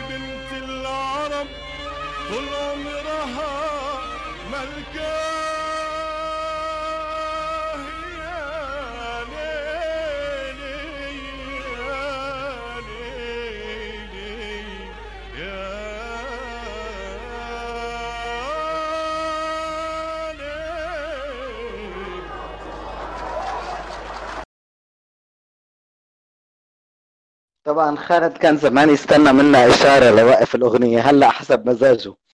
بكل الأحوال آه, آه يعني مش عارف شو 100% اللي بدك إياه من خالد يا إنه ياخذ بزمام الأمور يا إنه يعني يضل يستناك تحكي له ال- الإشارات المناسبة في الوقت المناسب مثلا. أنا بس يعني- مشتاق لخالد ومتضايق إنه هو مش جنبي عادة خالد social جنب distancing ذبحني يا جماعة. ذبحنا جميعا. آه. آه، أوكي. في شغلة ثانية حابة آه، أحكي عنها بس نتفه. اللي هي دور ما بعرف. هلأ في كثير من الأغاني اللي غناها فهد بلان في السينما وفي كمان يعني كتسجيلات أو كحفلات كانت احتفالا احتفال بالجو العمالي يعني كانت احتفال بأنه العمال والفلاحين. يعني خلينا نخلي بالنا إنه هو كان في مرحلة يعني مثلا آه، ما أقدرش على كده وأمام السيدة. آه، هاي الأغنية غناها في 1970 في هاي السنة توفى جمال عبد الناصر. يعني ممكن مرحلة اللي يعني كنا بنحلم فيها في شيء اسمه عروبة انتهت بهذيك السنة.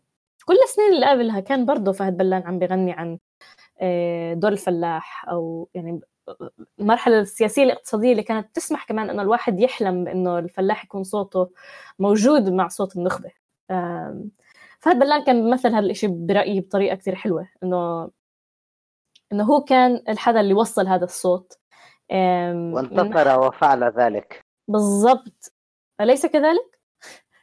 وحياة آه. أمي على فكرة العامة أحيانا بتفقدني هاي هاي الشعرية. يعني أنا نفسي أعرف أكتب قصيدة قدامكم هلأ هيك على ال live أقول لكم قد إيه أنا بحب فهد بلان بس إنه عم نحكي بالعامة وبصراحة بعرفش يعني ليش ممكن أقعد أحكي بالفصحى فجأة بس تفضلي. كملي دينا أنا عم بحكي بالفصحى كل شوي بقاطعك لا أنا اللي أنا اللي حاسس إنه لازم نخترع زي كلام جديد يليق مم. بحدا زي هاد مم. مم. بس هذا بدي احكيه إنه إنه يعني هاي الأغنية نوع من الأغاني اللي كانت إنه مسموحة كمان بمرحلة معينة يعني إنه كان في لها هاي المساحة عشان كان في المساحة اللي عم بتحاول حتى لو بس ظاهريا إنه تحكي أوكي في عنا فلاح موجود بسويدة في عنا حدا بدوي موجود بشمال الأردن وكل هدول الناس إنه حابين إنه نسمع صوتهم بشكل مش بس يعني بشكل مسجل لا بشكل- نسمعهم بالقاهرة وبقرطاج. بالضبط. وبعمان وبكل مكان. يعني إحنا حابين نحتفل بإنه إحنا متعددين بلهجات متعددة بكل مكان. أنا ما كنتش بتصور إنه في آه، حدا يغني آه، بهاي اللهجة بالقاهرة ويلمع نجمة أو بقرطاج يعني حفلة آه، قرطاج اللي أنا بحبها هي حفلة ال 71 امم واللي بضل بفكر فيه إنه يا جماعة إنه وحياة أنا أنا كثير بستغرب من ردة فعل الجمهور الجمهور أجمل من فهد بلان بهديك الحفلة. طب بعرفش قديش في سوريين بتونس بس بقدرش أراهن إنه بيعبوا مسرح بال 71 آه يعني 100% وبنفس الوقت كمان بعرفش كيف فهد بلان قدر يعبي مسرح بتونس بال 71 آه طبعا أنا بالآخر بني آدم بعرفش كثير أشياء بعرفش أصلا كيف كان شكلها ال 71 بالدنيا. امم بس بعرف إنه إنه إنه يمكن- ل لنقدر لنقدر نفهم شو شو قصدي بهذا الموضوع لازم نحضر هاي الحفلة. يعني أنا ممكن أعيد وأكرر حالي كثير مرات بهاي ب- بهاي الحلقة بإنه فهد بلان بال live. سواء بجاكيته الأحمر بسلطنة عمان ولا بالأبيض وأسود ب... بتونس أو حتى ب... بكل. لما بغني على البال بعدك يا سهل حوران أو حتى بابتعاده وقر... وإعادة اقترابه من عبد الفتاح سكر حدا يعني عارف كان يلعب على مشاعر الناس. وبنفس الوقت لما الناس حسوه اختلف بعدوا بس بنفس الوقت ما بعدوش عن أغانيه القديمة. بعدوا عن.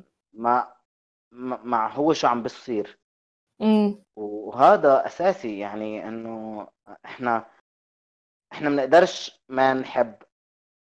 أو يمكن اللي بي- بيسمعه بيحضر له مقابلاته رح يعرف بالضبط إنه فهد بلان حدا بت- بتسلل على القلب. و... وبنحب أغانيه بفعل لا إرادي. ولما بصير ما بيشبه حاله الطبيعي تبعنا إنه نعتب وبنفس الوقت ما بنقدرش نتخلى عن عنه لأنه هو زي شخص من الأسرة. زي شخص من بنحبه لو تغير بنزعل إنه تغير بس بنزعلش منه مم.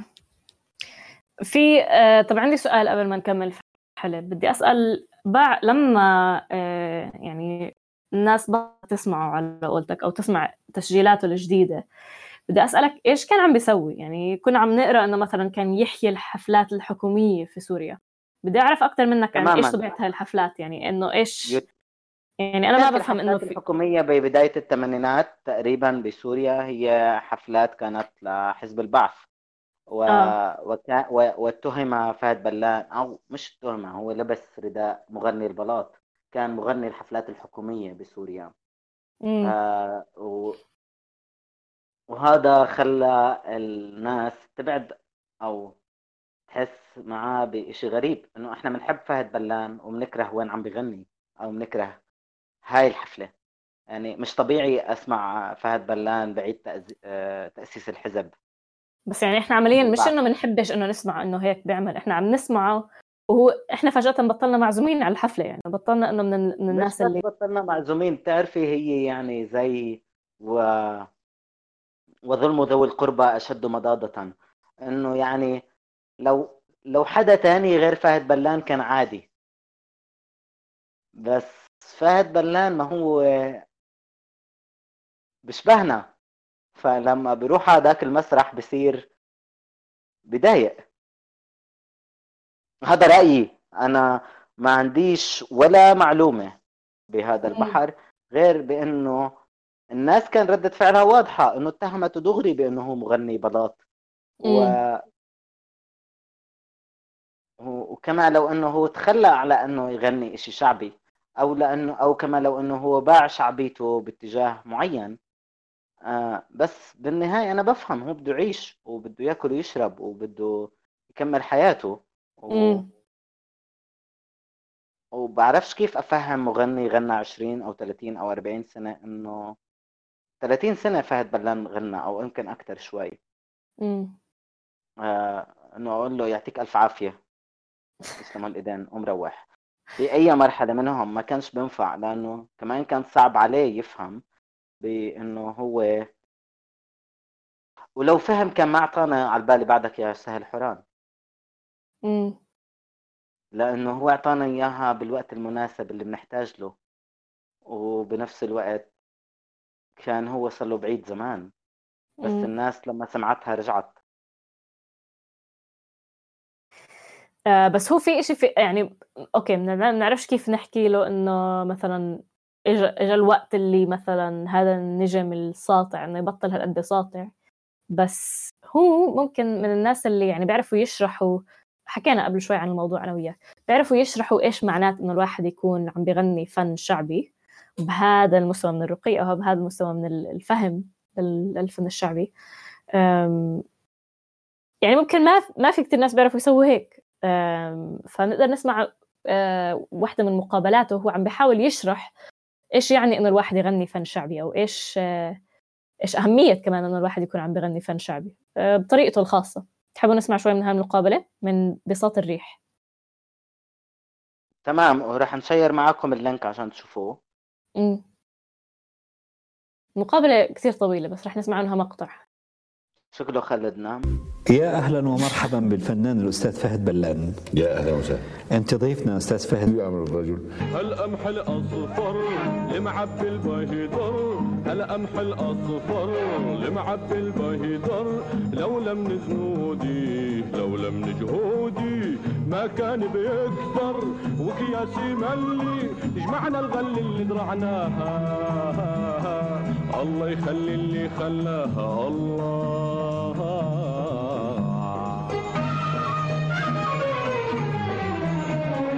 بصدق في رأيين اثنين أستاذ فهد بلان. رأي بيقول إنه الأغنية السينمائية دع بإمكاني إني أسألك ما هو مقياس خلود أغنية وبقاء نغم من وجهة نظر مطرب الجبل الفنان فهد بلان هي الأصالة. نعم. يعني مثلا لما بتشوف سماح يعني بتسمع سماح لأحمد صدقي بصوت محمد قنديل الصوت القدير آه وبتحس نفسك وكأنك بحواري مصر آه وبشوارعها وببيوتها. يعني اصيله أصيلة المعنى ملحن سماح بالمناسبة هو نفسه. ملحن يا حلوي ناديلي لكرم محمود لكريم محمود لكريم محمود نعم. طبعا هذه نفس الملحن. لما بتكون قاعد آه، سيادتك نعم. آه بمونتو كارلو مثلا نعم. وبتسمع هذه الالحان كأنك قاعد بحواري مصر من خلال هذا سماعك لهذا اللحن ومنهم محمود الشريف الله يرحمه برضه نفس النمط العظيم. هو تجوز أم كلثوم على فكرة. نعم. ها؟ نعم. آه يعني قد محبة آه عمق آه وإيحاء آه محمود الشريف. تزوجته 40 يوم. السيدة أم كلثوم هذه معروفة يعني بس مخفية على ال- الجماهير.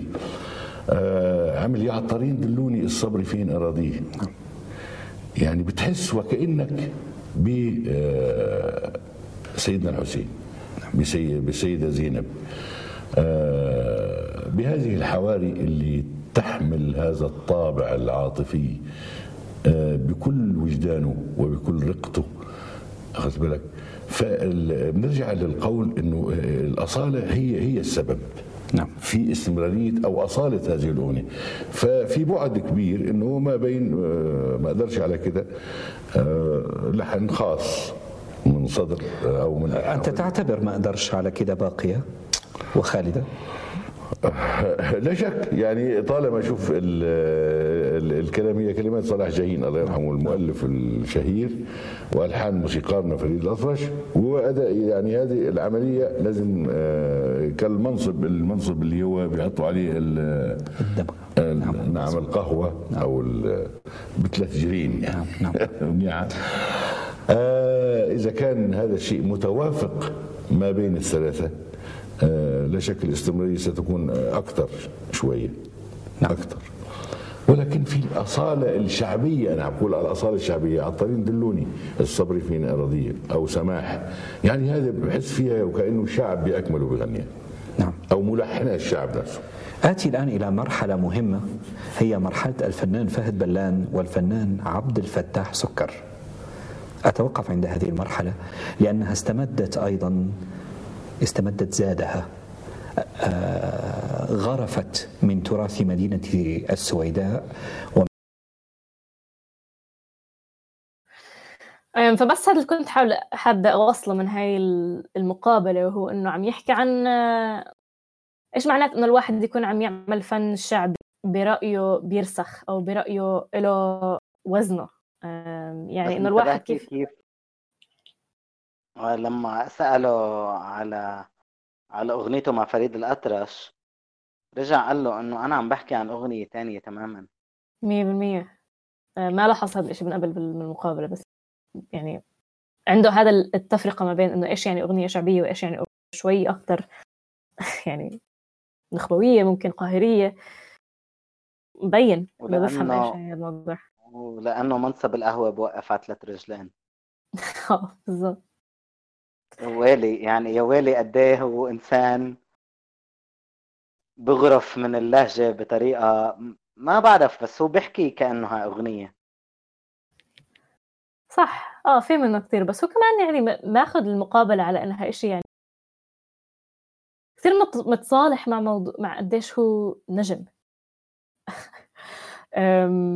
إنه أوكي عم نحكي عن شيء شعبي عم نحكي عن شيء كذا بس بس هو بالنسبة له يعني هو جاي يشرح. هو جاي أستاذ. مش إنه فيش مزح في الموضوع يعني مش جاي إنه فاهم علي؟ آه لو كنا بمونتي كارلو كان وسمعنا أيوه سماح آه كان آه أنا وياك في مونتي. كارلو قاعدين مع بعض. آه و... وعم ناخذ كوكايين سوا. يعني هيك الجو. بالضبط. وهيك هو بيقول. أنا ما و- ماشي على سيرة ام رفيقك ها آه، بس كمان بنفس الوقت آه، اللي اللي بفكر فيه إنه أنا ب- يعني بقدرش أوقف حكي عن فهد بلان بس بنفس الوقت يمكن لازم نبلش ننهي دينا. أوكي. آه يعني أم، يعني صحيح شرف قالنا ما في شي بعدنا بس إنه يعني يا محلى الضيف اللي بيعرف يجي ويروح. أوكي شكله يوم بلش يزهق هاي الحالة عندك لا لا لا والله لا والله ما بلشت أزهق. بس بس فكرت إنه يمكن لازم نحكي على على فهد بلان بالنسبة إلك ويمكن لازم تغني أغنية اللي خالد عودة عم بستناها. طيب. مش عارفة إيش ال يعني حاسة شوي عيب صراحة شيء بس خلص يعني تتذكري لفهد بلان يوم يوم على يوم يوم على يوم يوم على يوم طالت الفرقة ويوم على يوم يوم يوم يوم على يوم لو طالت الفرقة. نسيت بقية الكلمات سوري ما نسيت أنا اللوم دور ما يامن. نسيت أنا الرفقة. مسيت أنا اللوم نسيت أنا الفر الرفقة؟ ما نسيت. أنا الرفقة. أم، ممكن هاي يعني هاي اللي اللي بت- اللي بتعلق برضه عشان أنا علقانة في جو كمان الغربة وهذا الجو. تستاهلي الله لا يقيمك. لما رحت على لندن قلت لك شو الموديك هنيك؟ المهم على آه فكرة مش أنت اللي حكيت لي بحب بس أنسب الحكي هاد محمد عميرة. شكرا. تمام. ضلك اشكريه وهو ما بيستاهل. المهم طيب. آه اللي اللي بدي أقوله بس بالضبط إنه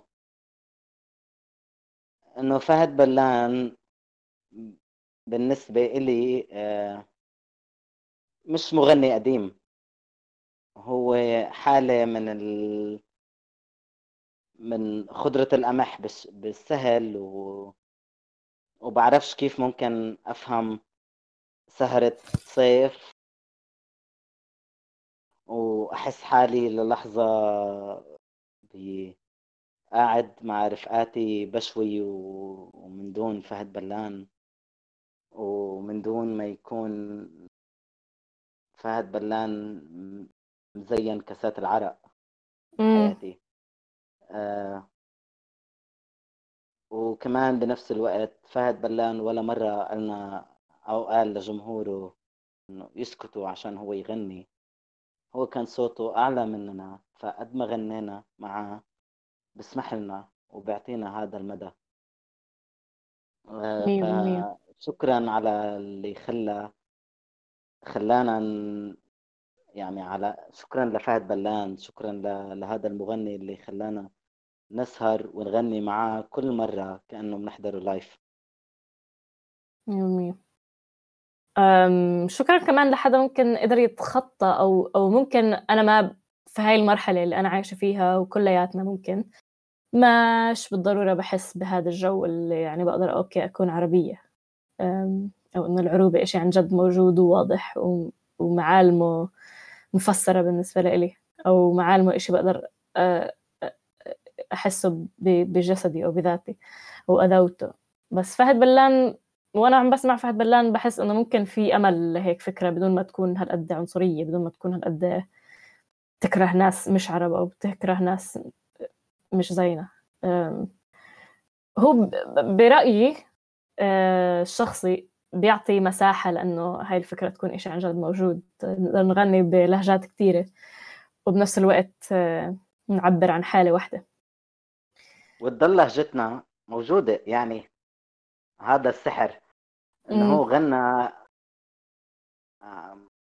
لفريد الأطرش أغنية جدا مصرية كاتبها مصري مم. بي- ولما بنسمعها بنتذكر السويدة كيف مم. عرف يعمل هذا ما بعرف سحر فريد الأطرش عاش طول الوقت ولو ما حدش قالنا انه هو ابن السويدة كان إحنا نسينا مم.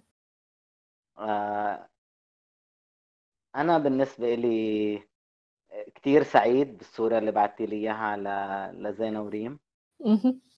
ومبسوط كتير هلأ و... وبتذكر آه لو خالد رح يحط الأغنية بس يستناني أكمل بدنا نحط أغنية يا سالمة. آه وننهي. وباي باي يا جماعة. بعرفش إذا دينا بدها تحكي شي تاني بعدي بس تقدر. آه، الملاحظة الصغيرة كتير هو آه، من أكتر الناس اللي بحثاثة وبحماس طلبوا هاي الأغنية معاوية. معاوية كل مرة بيصمم لنا. بصمم لنا وهو يعني أحد المشاركين بالنسبة لي في ال... في مش بس الأصفهاني. فشكرا معاوية وشكرا لكل الناس اللي حكوا لنا على صفحة الإنستغرام تبعتي إيش أكتر أغاني بحبوها لفه- فهد بلان. هاي من أكتر الحلقات اللي اللي كان فيها مشاركة جمهورية آه، من الجماهير اللي بتسمع فهد بلان. و... آه وبعيني أنا شفت البنية حالمة. بالضبط. تضرب برمش تصيب وتعمل نايمة. هو لما بحكي عن هاي الأغنية بحكي إنه شاب وصبية سهرانين. هو. بتطلع فيها بقولها إنه إيش يعني؟ إيش بدك تسوي؟ وهي بتقول له إنه لا هي مستحية. فهي بتطلع فيه بتغريه وبترجع تعمل حالها مش منتبهة. أيوة. فحدا عبر عن هذا الحب وهذا النمط من الغراء ماشي علنا ماشي بمرحلة آه بعرفش بس ما, ما كانش كتير سهل نحكي عن الموضوع ما كانش كتير سهل حدا زي فايد بلان بالنسبة لي جدا جدا جدا مع إنه اسمه مغني الرجولة. بس عرف يعبر عن عن الحب بأنثوية أجمل بكتير من ما ممكن تن... تنقال. مم. ويا ف- سالمة. وخالد بلش الأغنية وبصحة دينا وبصحتك وبصحة كل السامعين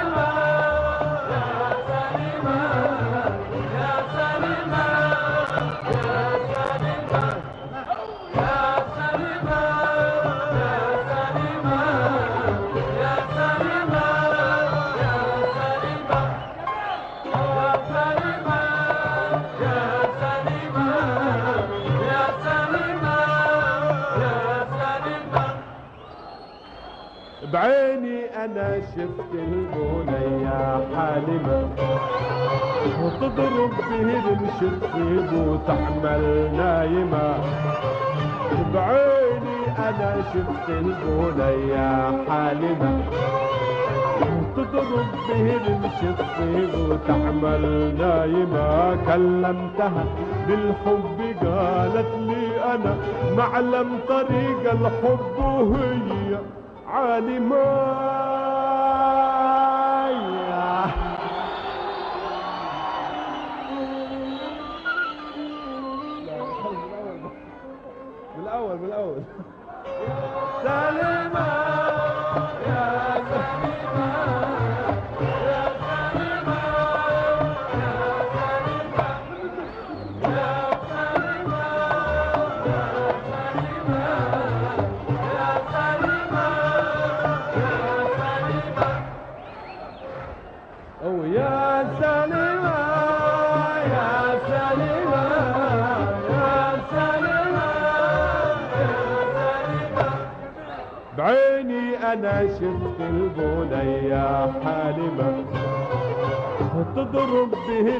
الشفيب وتعمل نايمة. بعيني أنا شفت البنية حالمة. تضرب به الشفيب وتعمل نايمة. كلمتها بالحب قالت لي أنا معلم طريق الحب وهي عالمة.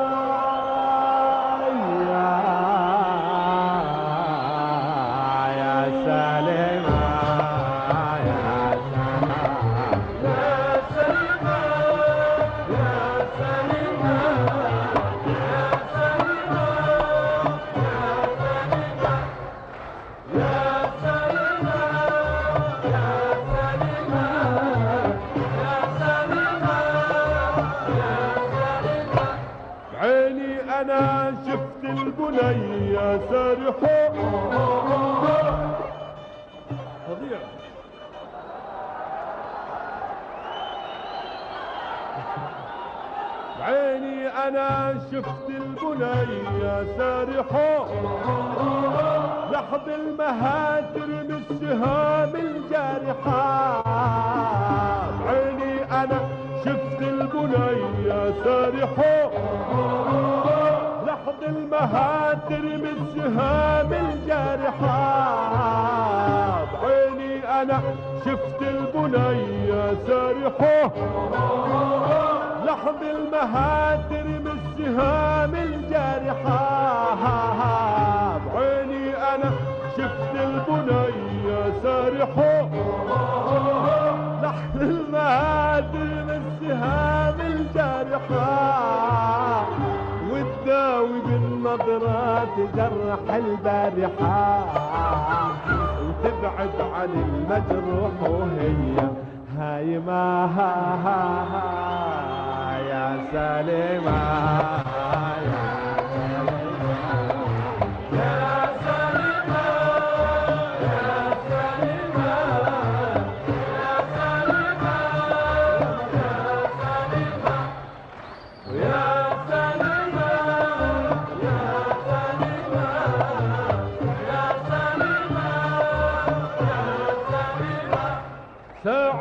شد الحب هو يشدها للبحر تسبح بالغرام لوحدها ساعة تشد الحب هو يشدها.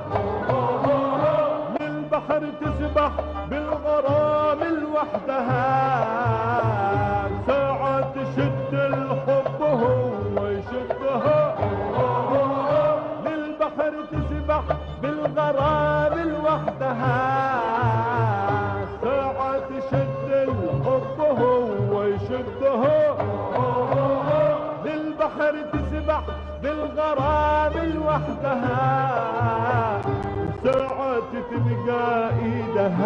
على خدها هيك تقول هواه وتصبح نادمة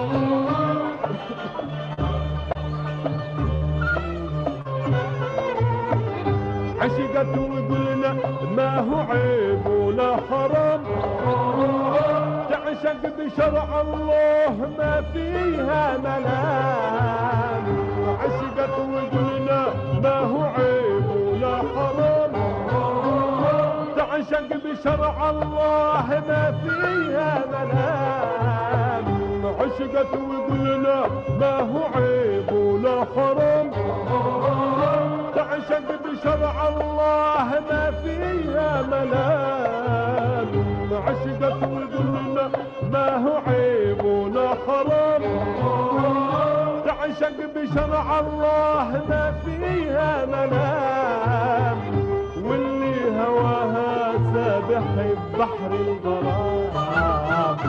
تبقى على الاثنين فرحة